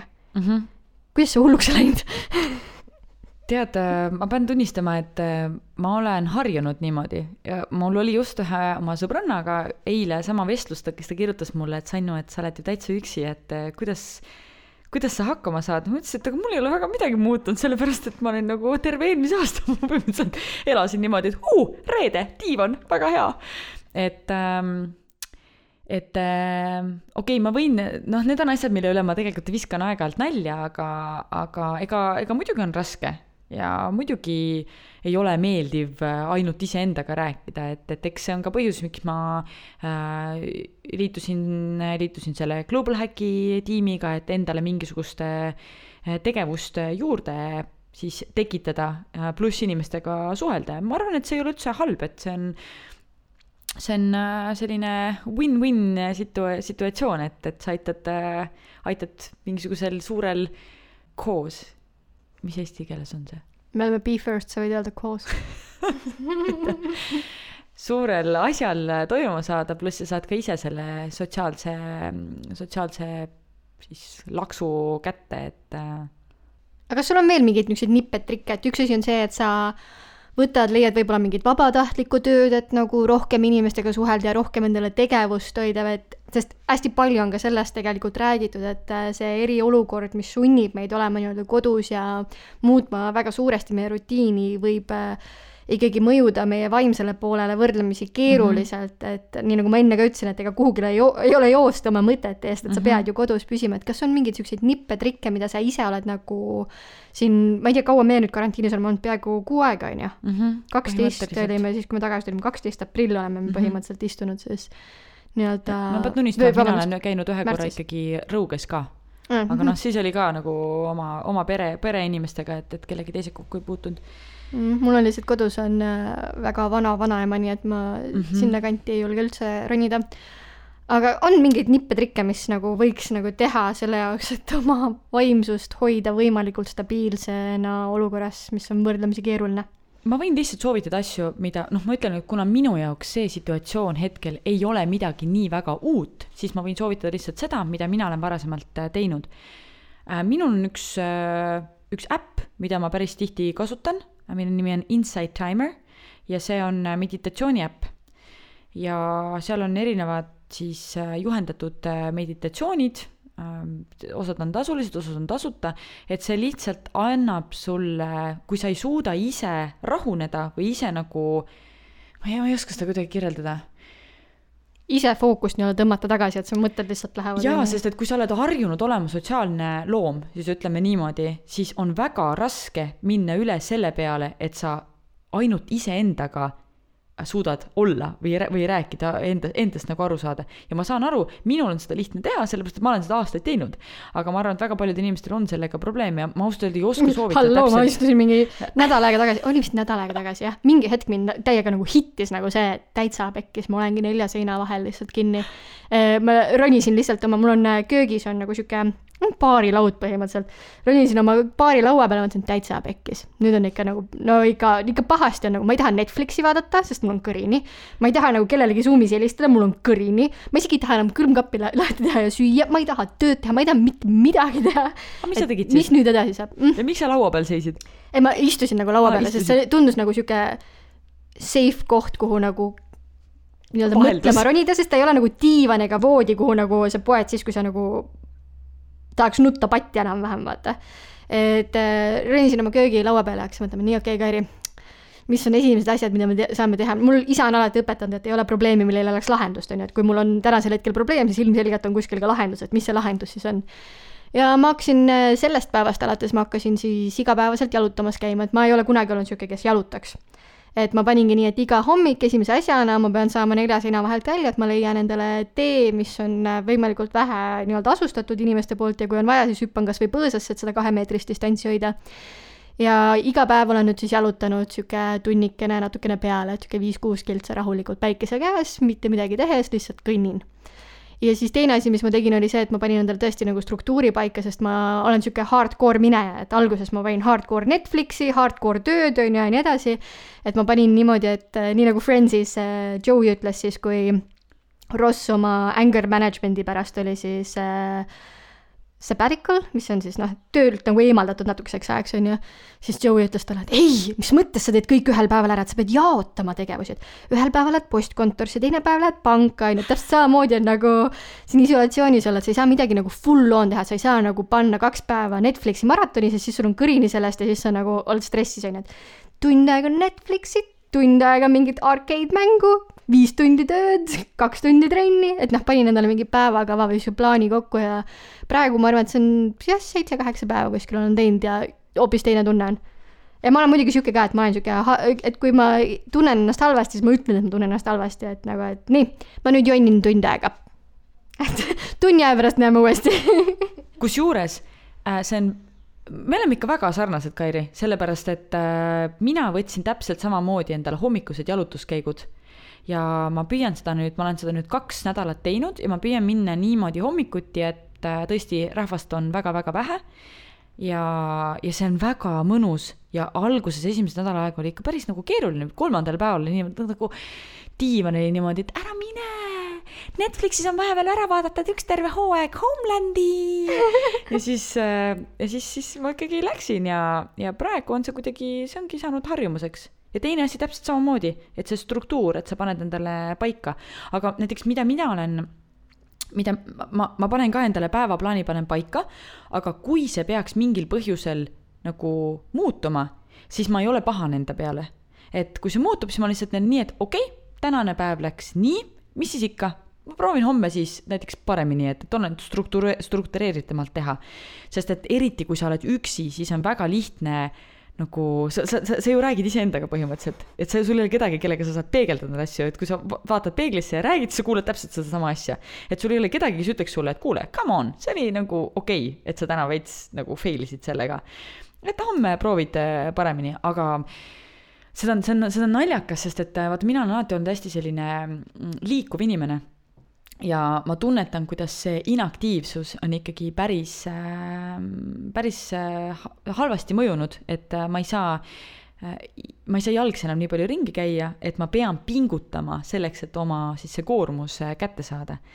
aga samas, kuna see pole enam minu jaoks selline iseenesest võetav tegevus, et oo, ma lähen igal hetkel, vabal hetkel, kui ma tahan, ma lähen MyFitnessisse, siis ja et ma pean päriselt selle jaoks midagi tegema ja et see on nagu kuidas ma seda oskan, kuidas ma selgitan, see on kuidagi, see trenn on nagu reward, mitte, mitte enam see, et ah oh,, karistus, davai, ma pean selle nüüd ära tegema, vaid see, et oh, ma saan seda teha, see on kuidagi, ma ei tea, kas see on, ära ütle ma mulle, nagu et sa ole oled üks nendest, ära ütle mulle, et sa oled üks nendest fitness biffidest, kes tuleb karantiinist välja ja on mingi six-pack'iga ja kes lihtsalt Ei. iga jumala päev kütab kõik live-treeningud kaasa ja nagu ma, ei, ei, ei naljad, et ma pean ikka väga ennast sundima, et, et seda, seda teha, aga lihtsalt äh, on, on päevi selliseid, kus ma pean ikka väga-väga sundima, et seda teha.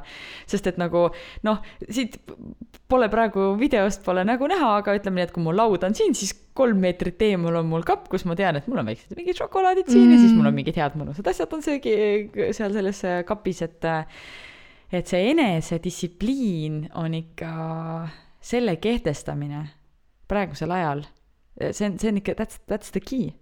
That's the key, bitches. aga kuidas sul üldse praegu on trenniga, et kui palju sa teed trenni? ma ikka püüan iga päev, või tähendab mitte nagu iga päev, ma püüan teha vähemalt viis korda nädalas. Ja ma teen hästi palju toas, et ma kasutan NTC äppi, mis on nagu, see on ikka väga-väga-väga hea asi, see on nüüd äh, tänu sellele, et meil on sellises olukorras praegu, siis äh, Nike tegi lahti ka selle premium rakenduse, kus on väga lahedad äh, trennid, mida muidu siis said ainult inimesed, kes elasid Põhja-Ameerikas ja raha eest. Siis nüüd saavad ka tegelikult ainult inimesed, kes elavad Põhja-Ameerikas, et kui te tahate neid tasuta versioone, siis te peate panema oma elukohaks äh, USA life hacks. et ähm, ma kasutan seda ja, ja siis ma. aga seal on nagu jõutreeningud või rühmatreeningud või mis treeningud seal on seal on kõike, seal on äh, jõud, vastupidavus, liikuvus ja jooga, mm,? okei okay., et see on päris, päris äge ja tegelikult on väga palju Eesti tegijaid ka, näiteks MyFitnessil on oma Netfiti keskkond, eks ole, kus nad teevad, pakuvad tasuta treeninguid praegu. meie, minu enda väga hea tuttav sõbranna Keissi Põldsam näiteks tegi oma veebi e-treeningut, teeme siis reklaami Keissile e-treeningud.ee. aa, ja üks asi veel, mida ma teen, on see, et ma äh, nüüd viimase paari päevaga ma olen veits fail inud, aga ma panen oma söögid kirja, mida ma söön. Ja kusjuures see on naljakas, et üks viimaseid äh, intervjuusid, mille ma andsin äh,, see oli äkki, see oli ka mingi toiduteemaline intervjuu ja ma ütlesin, et ma ei hakka mitte kunagi enam seda MyFitness pälli kasutama, sest see on nagu nii stressirohke. ma räägin, sa aru, tead, mul on nii raske anda intervjuusid, sellepärast et, et ma üks hetk ütlen ühte asja, siis järgmine päev mul on juba, oo, kuule, aga see on ju täitsa tegelikult on päris hea asi, onju. sa oled normaalne, sa oled inimene, su arvamused muutuvad, see on täiesti okei okay.. jaa, aitäh sulle, Kairi, et seda ütlesid, sest et ma oma, minu enda see teine Sandra on nagu niimoodi vahepeal kõrval, et nagu äh, sa oled äh, kolm päeva tagasi te, ots, äh, mõtlesid niimoodi, nüüd sa ei saa teistmoodi ümber, ümber mõelda. see oleks väga kurb, kui sa mõtleks terve elu ühtemoodi, see tähendab, et sul oleks null progressi arengut oma elus nagu. aitäh, Kairi, I love you. aga, aga jaa, kusjuures see MyFitness pälli kasutamine tõesti on, on, distsiplineerib ka päris hästi. ma ei taha, ma just sõin mingi pool banaanapreedi hunnikut ära, ma ei taha seda kirja panna sinna. okei okay,, ühesõnaga sina suudad tänasel hetkel viis korda nädalas kuskil trenni teha. no ma püüan, ma püüan. aga kust sa nagu motivatsiooni saad nagu tõesti noh, et see Netflix on nagu mingi come to me, come to me. tead, ma tegin selle ära, ma vaatasin need sarjad ära, mis ma praegu tahtsin vaadata. tegelikult on see, et, et ma olen seda, see arvamus minus ei ole muutunud, et motivatsioon ei saa tulla kuskilt väljast, see motivatsioon peab tulema sinu enda seest ja sa pead ise saama aru, et miks ma seda teen. et nagu, kui sa ei saagi aru, et füüsiline aktiivsus on sinu jaoks oluline, sinu keha jaoks oluline, siis see motivatsioon ei saa ka mitte kuskilt tulla. et ähm, ma ei, ma ei tea, nagu ma noh, eks ma ikka saan a la, a la see, et oled väsinud ja mõtled, ei, täna ei viitsi midagi teha ja siis võtad Instagrami lahti, vaatad, et mingi kolm sõbrannat on kõik juba trennid ära teinud, siis on küll see, et nagu tuinu, ma löön ise ka ajan ennast trenni. et tegelikult see täitsa töötab. aga, aga see ikkagi siis mina olen see, kes ma panen need tossud jalga ja lähen lõpuks teen selle, teen selle trenni ära, onju. ma ei, ma ei tea, kuidas sul töötab see? ja ma valetan endale, see töötab mul jube hästi. et ma ütlen endale, et palun laienda seda. ma ütlen endale, et Kari, tead, teeme kakskümmend minutit ratast, kakskümmend minutit ratast, see ei ole, see on nagu köömes, see on nagu istud korra sadulasse ja, ja nagu kõik, onju. aga no ma panen samal ajal mingi filmi ka ikka mängima ja siis üheksakümmend minutit hiljem avastad, et ah, päris mõnus trenn oli. okei nii mul küll ei ole. no ma lihtsalt valetan mingi... endale kogu aeg nagu juurde nagu, et okei okay,, et teed kakskümmend mintsi ära, siis mõtled, noh, tegelikult on ju jumala okei okay olla, vaata, et teeks äkki nagu kakskümmend mintsi veel, vaata. ja siis, kui juba raskemaks läheb, siis ütled, ei noh, viis mintsi veel või no teeme kaks kilomeetrit veel, vaata, siis tuleb nelikümmend kiltsa täis, on ju, et noh, kogu aeg nagu luiskad endale niimoodi nagu samm-sammu haaval nagu koormust juurde, et see on asi, mis minuga nagu jube hästi töö- töötab, et kui ma ütlen endale, et ma pean minema täna kahetunnisele matkjooksule, on ju, siis no ma leian enda peas mingi mustmiljon vabandust, miks mitte minna. aga kui ma ütlen endale, et noh, lähme teeme nagu kakskümmend minutit jalutuskäigu, on ju, ja siis ma juba jalutan ja siis ma mõtlen, et tegelikult on päris mõnus tunne, et äkki teeme paar jooksusammu ka siia vahele, no siis ta tuleb nagu lihtsamini, vähemalt minu jaoks on nagu sihuke enesele valetamine töötab jube hästi. mul on su pärast meel. ega on. aga ma ütlen ausalt, tegelikult on nagu keeruline ennast motiveerida, eriti nüüd, kus nagu tuli see uudis ka välja, et Ironman on edasi lükatud, on ju, kõik rahvaspordiüritused on tegelikult ju edasi lükatud. ja et nagu, tuligi et ametlik vastus jah. ja et ei ole nagu, noh, tegelikult ei ole nagu motivatsiooni, vaata, et ma olen ka üks nendest inimestest, kes äh, funktsioneerib kõige paremini siis, kui mul on mingi konkreetne eesmärk, mida ma taga ajan. aga kuna tõepoolest noh, keegi meist ju ei tea, et mis hetkeks see asi niivõrd normaliseerub, et me saame suurte rahvamassidega koos kuskil olla, noh, sa ei, sa isegi ei saa kuidagi oma treeningplaani nagu planeerida, on ju. pluss mm. lisaks, kui ma vaatan äh, äh, erinevad nii-öelda triatleetide professionaalsed kanalid, mis on mingi Global Triathlon Networking ja nii edasi, et seal ka ikkagi rõhutatakse sellele, et, et praegune hetk ei ole see, kus oma keha nii-öelda edasi arendada või nagu piire kompida, et me peame ikkagi oma tervise hoidma võimalikult nagu heas positsioonis, et kui me lükkame ennast piirideni, siis me oleme natukene vastuvõtlikumad haigustele, asjadele, et sa tegelikult ei saa ka nagu treenida nagu päris niimoodi, nagu võib-olla peaks selle jaoks, et olla nagu vormis niisuguste võistluste jaoks. et pigem nagu võtta niisugune harrastussportlase lähenemine tänasel hetkel asjale, et äh, see tundub vähemalt minu jaoks mõistlik, et ma ei ole mingit äh, mega research'i selle koha pealt läbi lugenud, aga noh, tundub nagu loogiline, et praegu ei ole see koht, kus oma keha nagu piiride peale lükata. et mina olen jah võtnud ikka sammu tagasi, et äh, treeningmaht on ikka vähenenud kordades, et iga päev on küll tund aega jalutamist, aga ma arvan, et mul tuleb kokku nädalas ka mingi neli-viis tundi trenni, mis muidu oli on ju seitse-kaheksa aga kuidas sa tunned ennast selles, selle muudatusega? noh, mul jopas see, et mul on sihuke mm, sundkorras oli nagu korraks paus onju, sest ma suutsin oma jala peale kukkuda ilusasti, nii et ma kaks-kolm päeva ei saanud nagu noh, ei saanud normaalselt liikudagi. oota, Kairi, kuule. jah, oma jala peale kukkuda. ja vaata, me ehitame praegu kontorit onju ja siis ma ronisin väga kõrge redeli otsa, et võtta mingeid kilesid ära kuskilt lae alt ja see redel suutis kuidagi nagu libiseda lahti, need ühenduskohad ei olnud nagu normaalsed, onju. ja ma suutsin oma jala panna redeli alla ja ise kukkuda oh. redeli peale. see juba kõlab nii valusalt. no see oli ikka retsilt valus. ma arvan, et mu elukaaslane ei ole elu sees kuulnud mind nii, ma reaalselt nagu nutsin slaš karjusin, sest see on sihuke hüppeliiges jalaosa on nagu nii oh., vaene laps. See nii terav valu ka vaata, et see oli ikka, no see oli rets, mul ikka pisarad voolasid korralikult, aga tegelikult noh, ei olnud nii hullu, et äh, pahkluu kui selline ja kõik terveks, et kui midagi, siis ongi talla alt mingid, mingid väiksed nüansid, aga ma sain kohe jää peale ja andsin talle paar päeva puhkust ja nüüd ma juba saan ilusasti rattapuki peal sõita ja käin jalutamas, nii et ei ole nagu hullu. jooksma veel ei kipu. soovime Kairi Alale kiiret paranemist. oi jää. aga trennide koha pealt, kas meil on veel midagi rääkida? Sest tegelikult meil on terve hunnik fänniküsimusi, ma millele arvan, et peaks lähmegi äkki vastama. nende juurde, sellepärast et äh, Kas su diivan ei pidanud 15 minutit tagasi jõudma? nad nagu just nad siis tulevad natuke hiljem, siis ikka saame rääkida senikaua, kuni mu diivan tuleb. ühesõnaga, kuna meil täna ei ole saates külalist, siis me mõtlesime, et mis seal ikka, teie küsimused on nagu ägedad, et me tahame need ikkagi sisse panna, nii et küsige siis meie käest. me küll kõiki ei pannud siia, sest neid küsimusi oli tõesti väga palju ja mõned olid siuksed väga isiklikud küsimused stiilis, kui palju on olnud mul ja Sandral suhteid ja väga palju kes seda enam mäletab? väga palju küsiti Spark Sociali kohta, et mis see Spark stuudio ja nii edasi on, et äh, nende asjade kohta näeb siis minu äh, story des äh, lähiajal rohkem. Aga vastame niisugustele küsimustele, mis olid niisugused üldisemad ja mis tundusid, et võiks nagu siin kindlasti vastuse saada. kas me teeme kuidagi niimoodi, et, et sina valid välja kolm, teeme niimoodi, sina valid välja kolm, mina valin välja kolm ja siis mina valin välja sulle ühe ja siis sina valid välja mulle ühe. enam keerulisemaks ei tahtnud asja teha siia lõppu veel ei, ma, ma võin teha keerulisemaks, see pole üldse probleem. see on üks minu superpower eid, mõelda asju liiga keeruliseks okei okay,, nii, aga ma küsin kohe esimese ära. mm. -hmm. Parim päev meie elus. Sandra, go for it.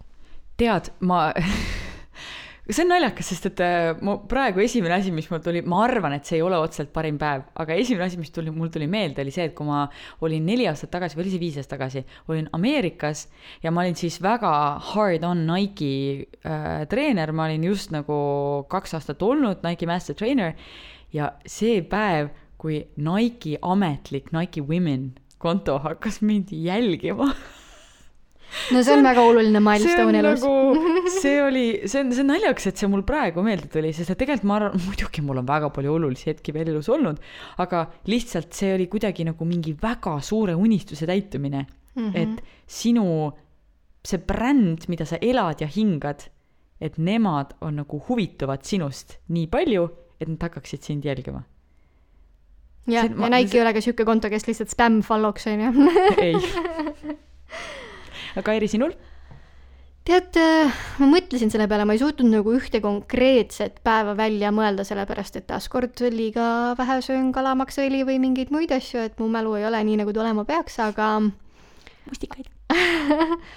aga mul on meeles see emotsioon, et ma arvan, et mu parim päev, no põhimõtteliselt see on, see vastus on sama, mis siis, kui ma ütleks, et kirjelda oma parimat päeva, et milline see oleks, on ju, et mul on elus niisugune päev olnud, et äh, see oligi, me käisime siis koera ja elukaaslasega nädalavahetusel matkamas looduses, filmisime, rääkisime elust-olust, maailma asjadest, et et ja ma mäletan, et nagu õhtul siis, kui me vaatasime tähistaevast äh, ja, ja nagu tõesti noh, hästi palju langevaid tähti oli ka, siis ma mõtlesin, et kurja, see on ikka, see on ikka hea päev.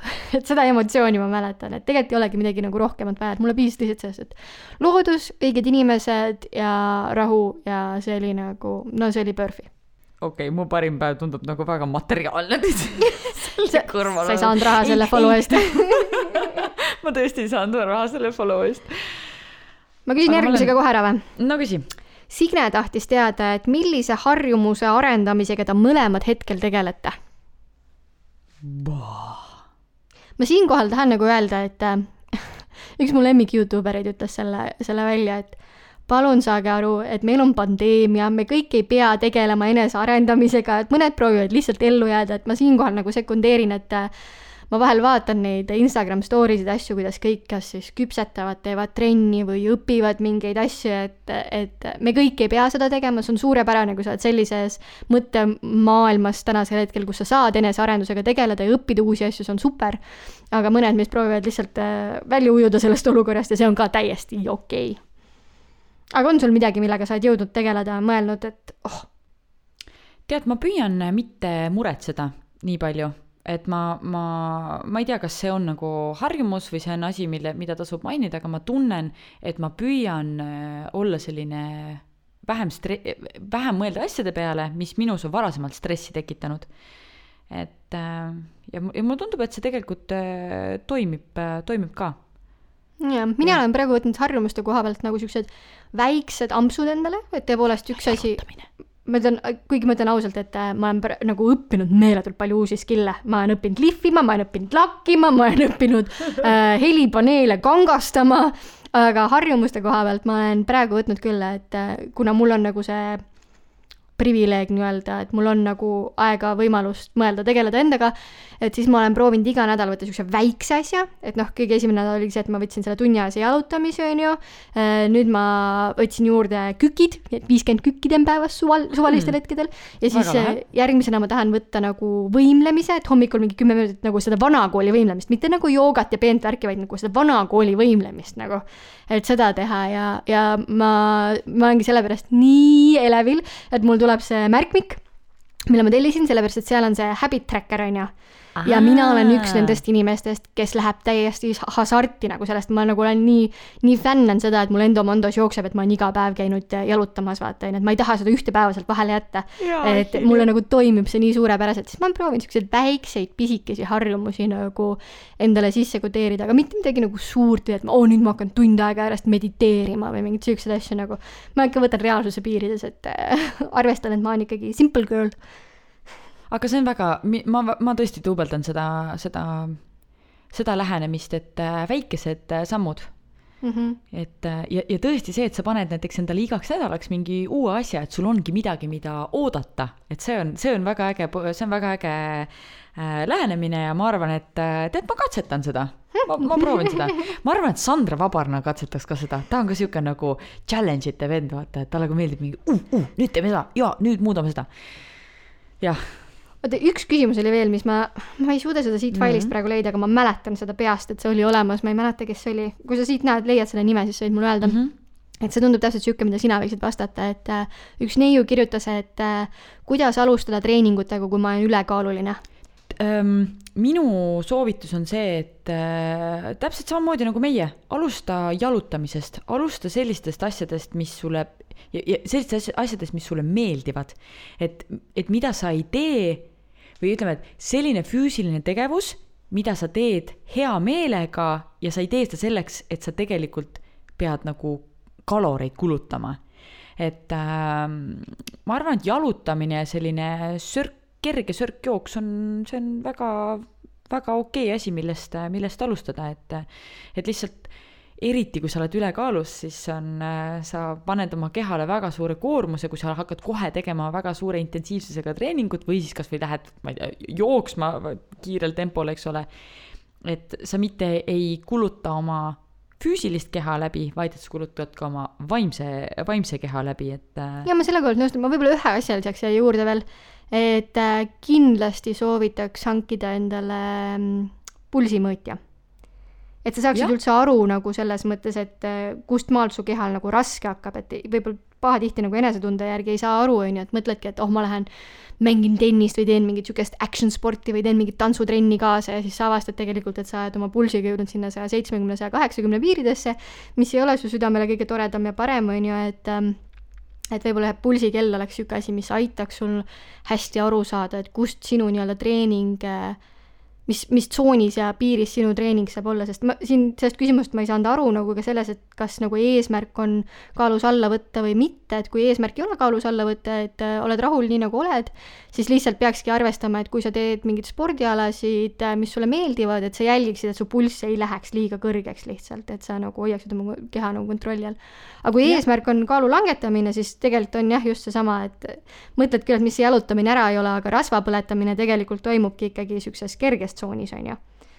oi, siia ma ei lähe praegu, sest et siin on nagu ilge teadus taga ja, ja aga, aga üks asi, mida ma julgeksin ka siis juurde soovitada, on see, et kui tõesti eesmärk on kaalu langetamine, siis võib-olla leida endale keegi treener. et üks asi on see, et sul on see kell ja sa, näitab sulle numbreid, aga sa pead teadma, mis need numbrid sulle ütlevad ka, et jaa, sa võid nagu Polari lehelt lugeda ja, ja mingisuguseid äh, videosid vaadata, aga tegelikult on ikkagi hea, kui sul on keegi kõrval, kes soovitab, et nagu vaata. Kes on õppinud haridusega treener, on ju. jaa, ja sa käisid ka Katrina juures trennis, on ju? Jaa, sul on ke- keegi, kes nagu jälgib, mis sa teed, on ju, ja ma ei tea, innustab sind, et selle kohta on ju tehtud ka, oh ma hakkan siin nüüd pläberdama, igast erinevaid teaduslikke uuringuid, et, et kuidas ikkagi nagu, kui sul on treener kõrval, kes on nagu kontrollib, mida sa teed, siis need tulemused on ikka kõvasti efektiivsemad. pluss sa õpid enda kohta palju rohkem, sa võib-olla märkad selliseid asju, mida sa muidu, mida sa muidu ei, ei märkaks.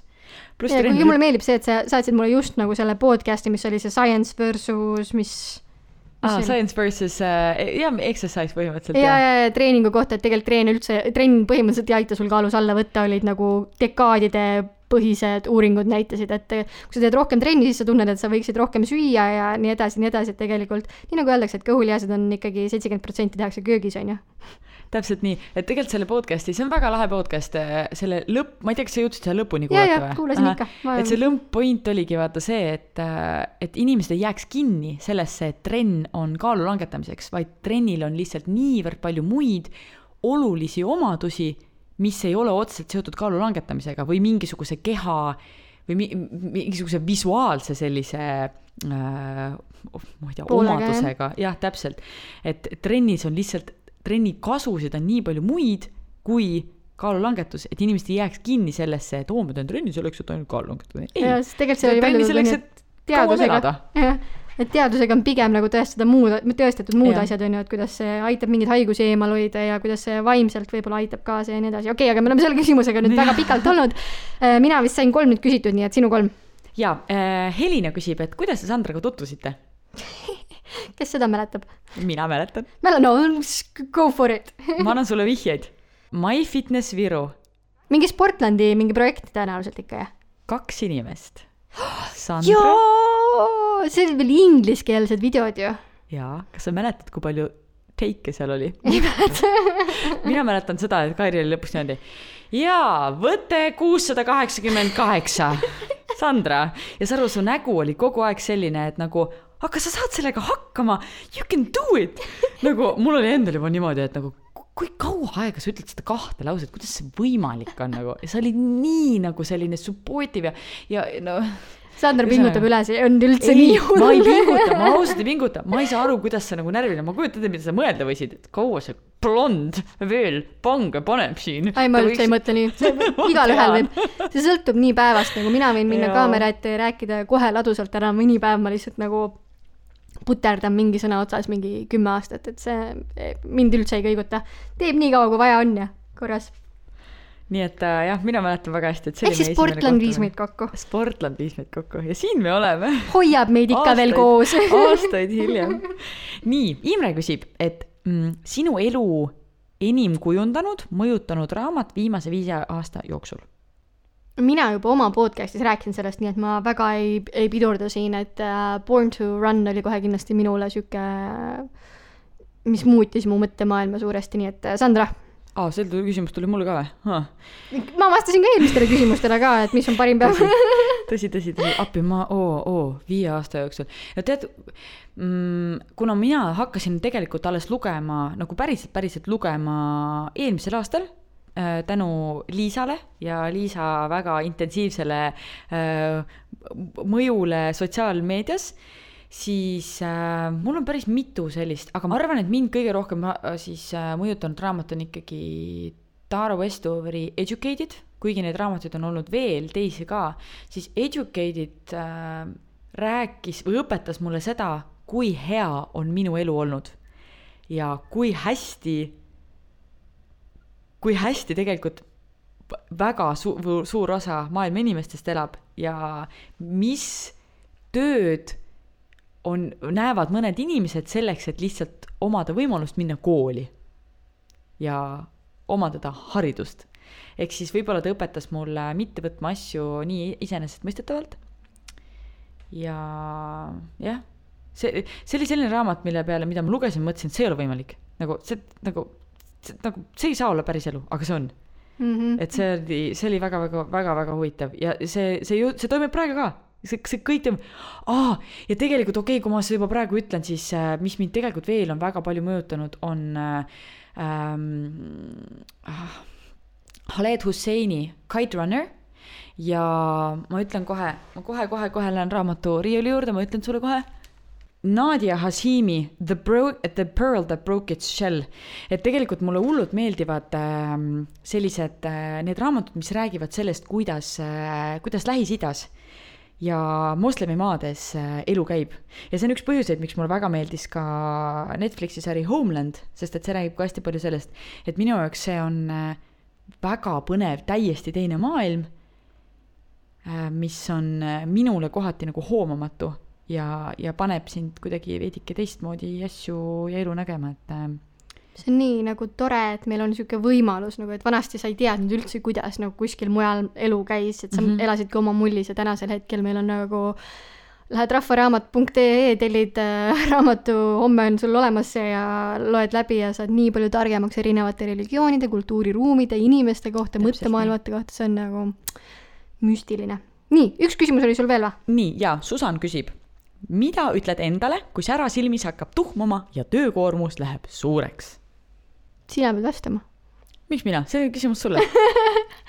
see küsimus, kõik küsimused on meile mõlemale, Sandra. okei okay,, ma võin, ma võin ära vastata Go.. tead, ma, ma lihtsalt püüan puhata, ma püüan võtta aja maha ja ma püüan äh, mõelda mingisuguste täiesti muude asjade peale, et üks, üks praktika, mida ma tõesti olen kasutanud siis, kui mul löövad lained ikka väga-väga kokku, on SoundCloudis selline kasutaja nagu Live Awake äh,, Sarah Blondin või Blondike, Blondin on see, kes teeb seal selliseid või on teinud äh, sellised äh, nagu juhendatud meditatsioonid ja mind need väga-väga aitavad.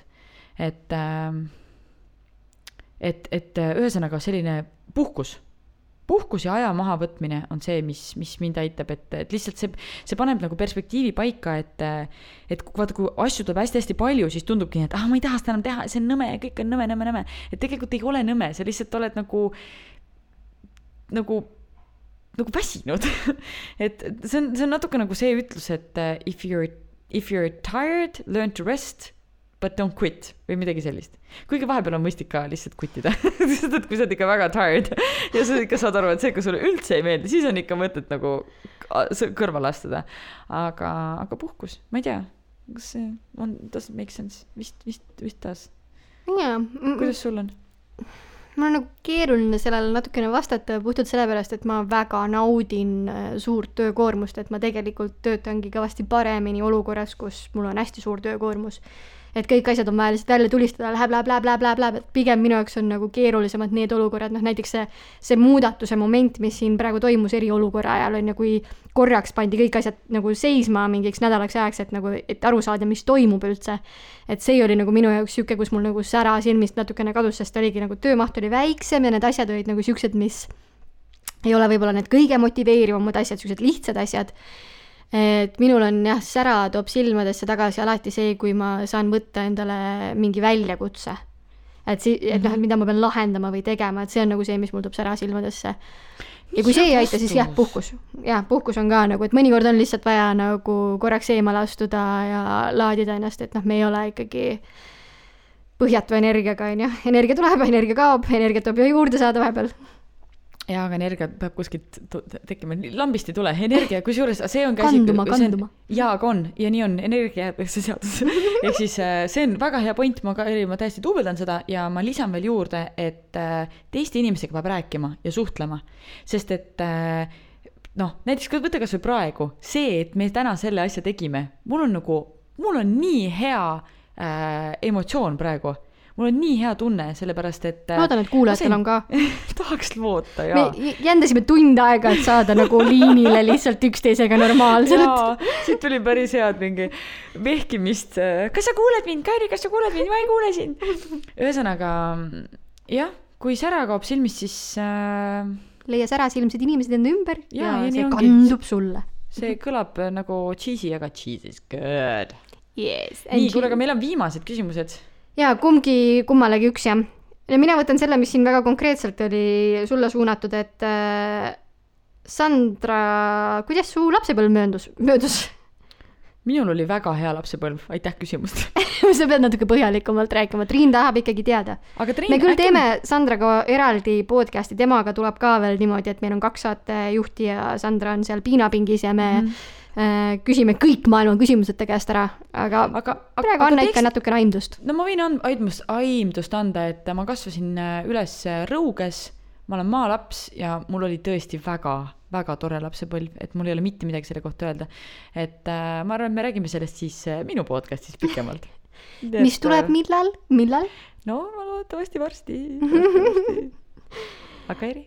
Äh, nii, aga siis, ei me need olid need ühekaupa küsimused on ju?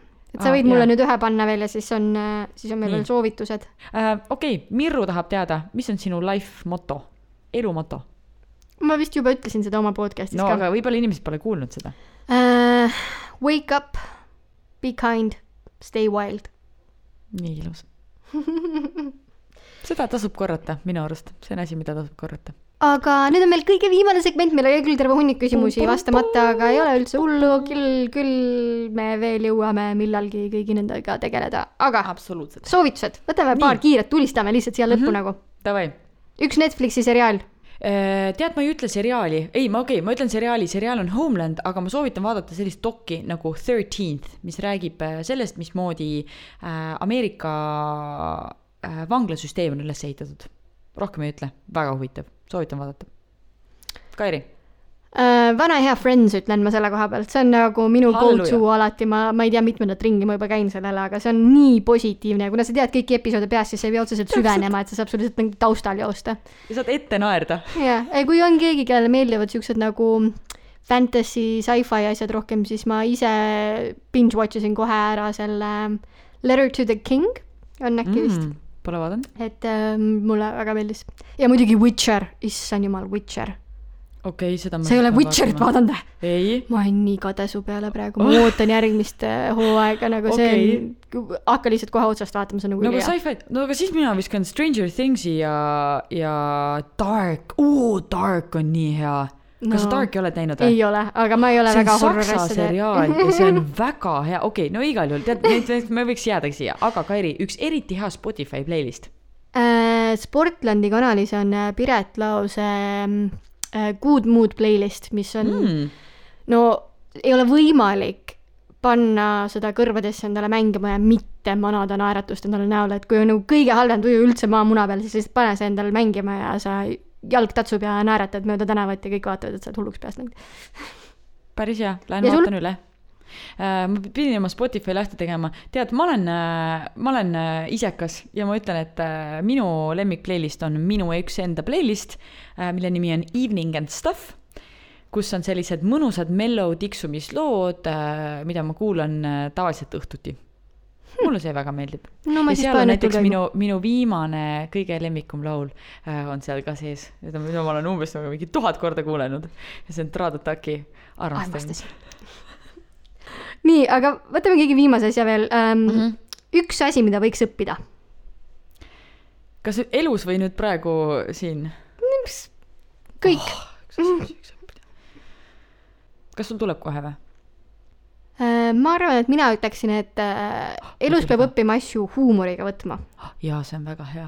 et äh, ei tasu liiga tõsiseks minna, et, et paraku universum on sihuke vingerpusside mängija ja aeg-ajalt peab lihtsalt ütleme nii, põnev, põnev, põnev lähenemine. täpselt. mina ütleks, et elus peaks õppima kuulama Mm, et jah. me oleme hästi kodeeritud äh, vestlustes, me kuulame selleks, et vastata, mitte selleks, et äh, saada aru, mida see inimene mul on tunne, nagu ma oleksin äh, coaching'u esimeses loengus. mul tuli flashback praegu. jah, sellepärast see mulle, sellepärast see mulle istubki ja sellepärast see mulle meeldibki. tegelikult kuulamine on üks väga imeline oskus ja täitsa soovitan seda teha praegu kodudes, et võtke, tehke selliseid harjutusi, et, et äh, kui sul on keegi, kes, kui sul on keegi, kellega rääkida kodus, siis äh, tehke niimoodi, et äh, üks inimene räägib lihtsalt kolm minutit, lihtsalt räägib ja, teine ei vasta mitte midagi. ja sa ei, sa ei vasta, sa ei küsi, sa lihtsalt kuulad ja sa, sa ei rea-, sa ei reageeri mitte mingit moodi, et sa lihtsalt kuulad ja vaata, vaadake, mis, tehke seda mitu korda, kordamööda ja vaadake, mis siis juhtub. ja seda ei pea üldse, et kui sul ko- kodus ei ole kedagi, siis helista kellelegi või Zoomi Täpselt. kellelegi või Skype'i kellelegi ja, ja lihtsalt üks räägib kolm minutit, teine räägib kolm minutit ja vaata, mis juhtub. see on väga lahe. Kusjuures see, on selles seitsekümmend kaks küsimust, mille, mille tulemusena sa inimesse armud. et kui sa need küsimused inimesega läbi käid, et siis sa armud temasse. seal on üks nendest asjadest on viis minutit räägi oma elust lihtsalt. kus selline list on? guugelda, Vau, et kui sa tahad teada nagu uue Kas potentsiaalse partneriga, kas te sobite omavahel või mitte, et siis äh, tee see kohe ära, saad teada. kas seal on mingi list inimestest ka, kellega ühendust võtta või kus? võta lihtsalt Zoom'ist järjest ette, kus ma vaata selle. inimese leian, kellega neid rääkida? sul sealt äh, Global Hackathonist peaks nüüd olema küll ja võta lihtsalt kõik meessoost isendid ette järjest. sellepärast ma sinna läksingi. okei, appi kolm, davai, tõmbame kiirelt. ja mul on nagu viimase kahe protsendi peal aku. aitäh, kuulajad, et olite taas kord meiega, aitäh, Sandra, et sa viitsisid jännata siin tehnika vahendusel ja tegime siukse kummalise kahe inimese episoodi. aitäh, Kairi, et sa õpetasid mind väga äh, kannat-, kannatlikult nagu tõesti. nii, nüüd keera seda nuppu. see oli tõesti väga huvitav kogemus ja et siis järgmiste kordadeni ja järgmine kord meil on siis ikkagi, me oleme, teeme kõike kodudest, aga siis meil on juba keegi kolmas ka. jaa, et see oli meil niisugune testepisood, et vaadata, kas me saame hakkama üle internetiühenduse, kui see nüüd laivi läks, siis see tähendab seda, et me saime hakkama ja järgmine episood tuleb meil juba koos külalisega ja me proovime võimalikult normaalse graafiku uuesti taastada, et proovime ikkagi korra nädalas teil kõrvus olla, et natukene positiivsust, natukene teist teemat sinna sisse tuua, kui see, mis meil siin kummalises olukorras igapäevaselt ümber on. Ja aitäh, et olete meiega ja, ja ma tahan veel öelda, et aitäh kogu selle super tagasiside eest, mida me kogu aeg oleme saanud, ma arvan, Kairi, sina oled ka saanud, et et me oleme tõesti väga-väga tänulikud, et te viitsite kuulata, sest et äh, nagu muidu pole mõtet teha. see on nii äge lihtsalt. joo, aitäh ja järgmise korrani, tšau!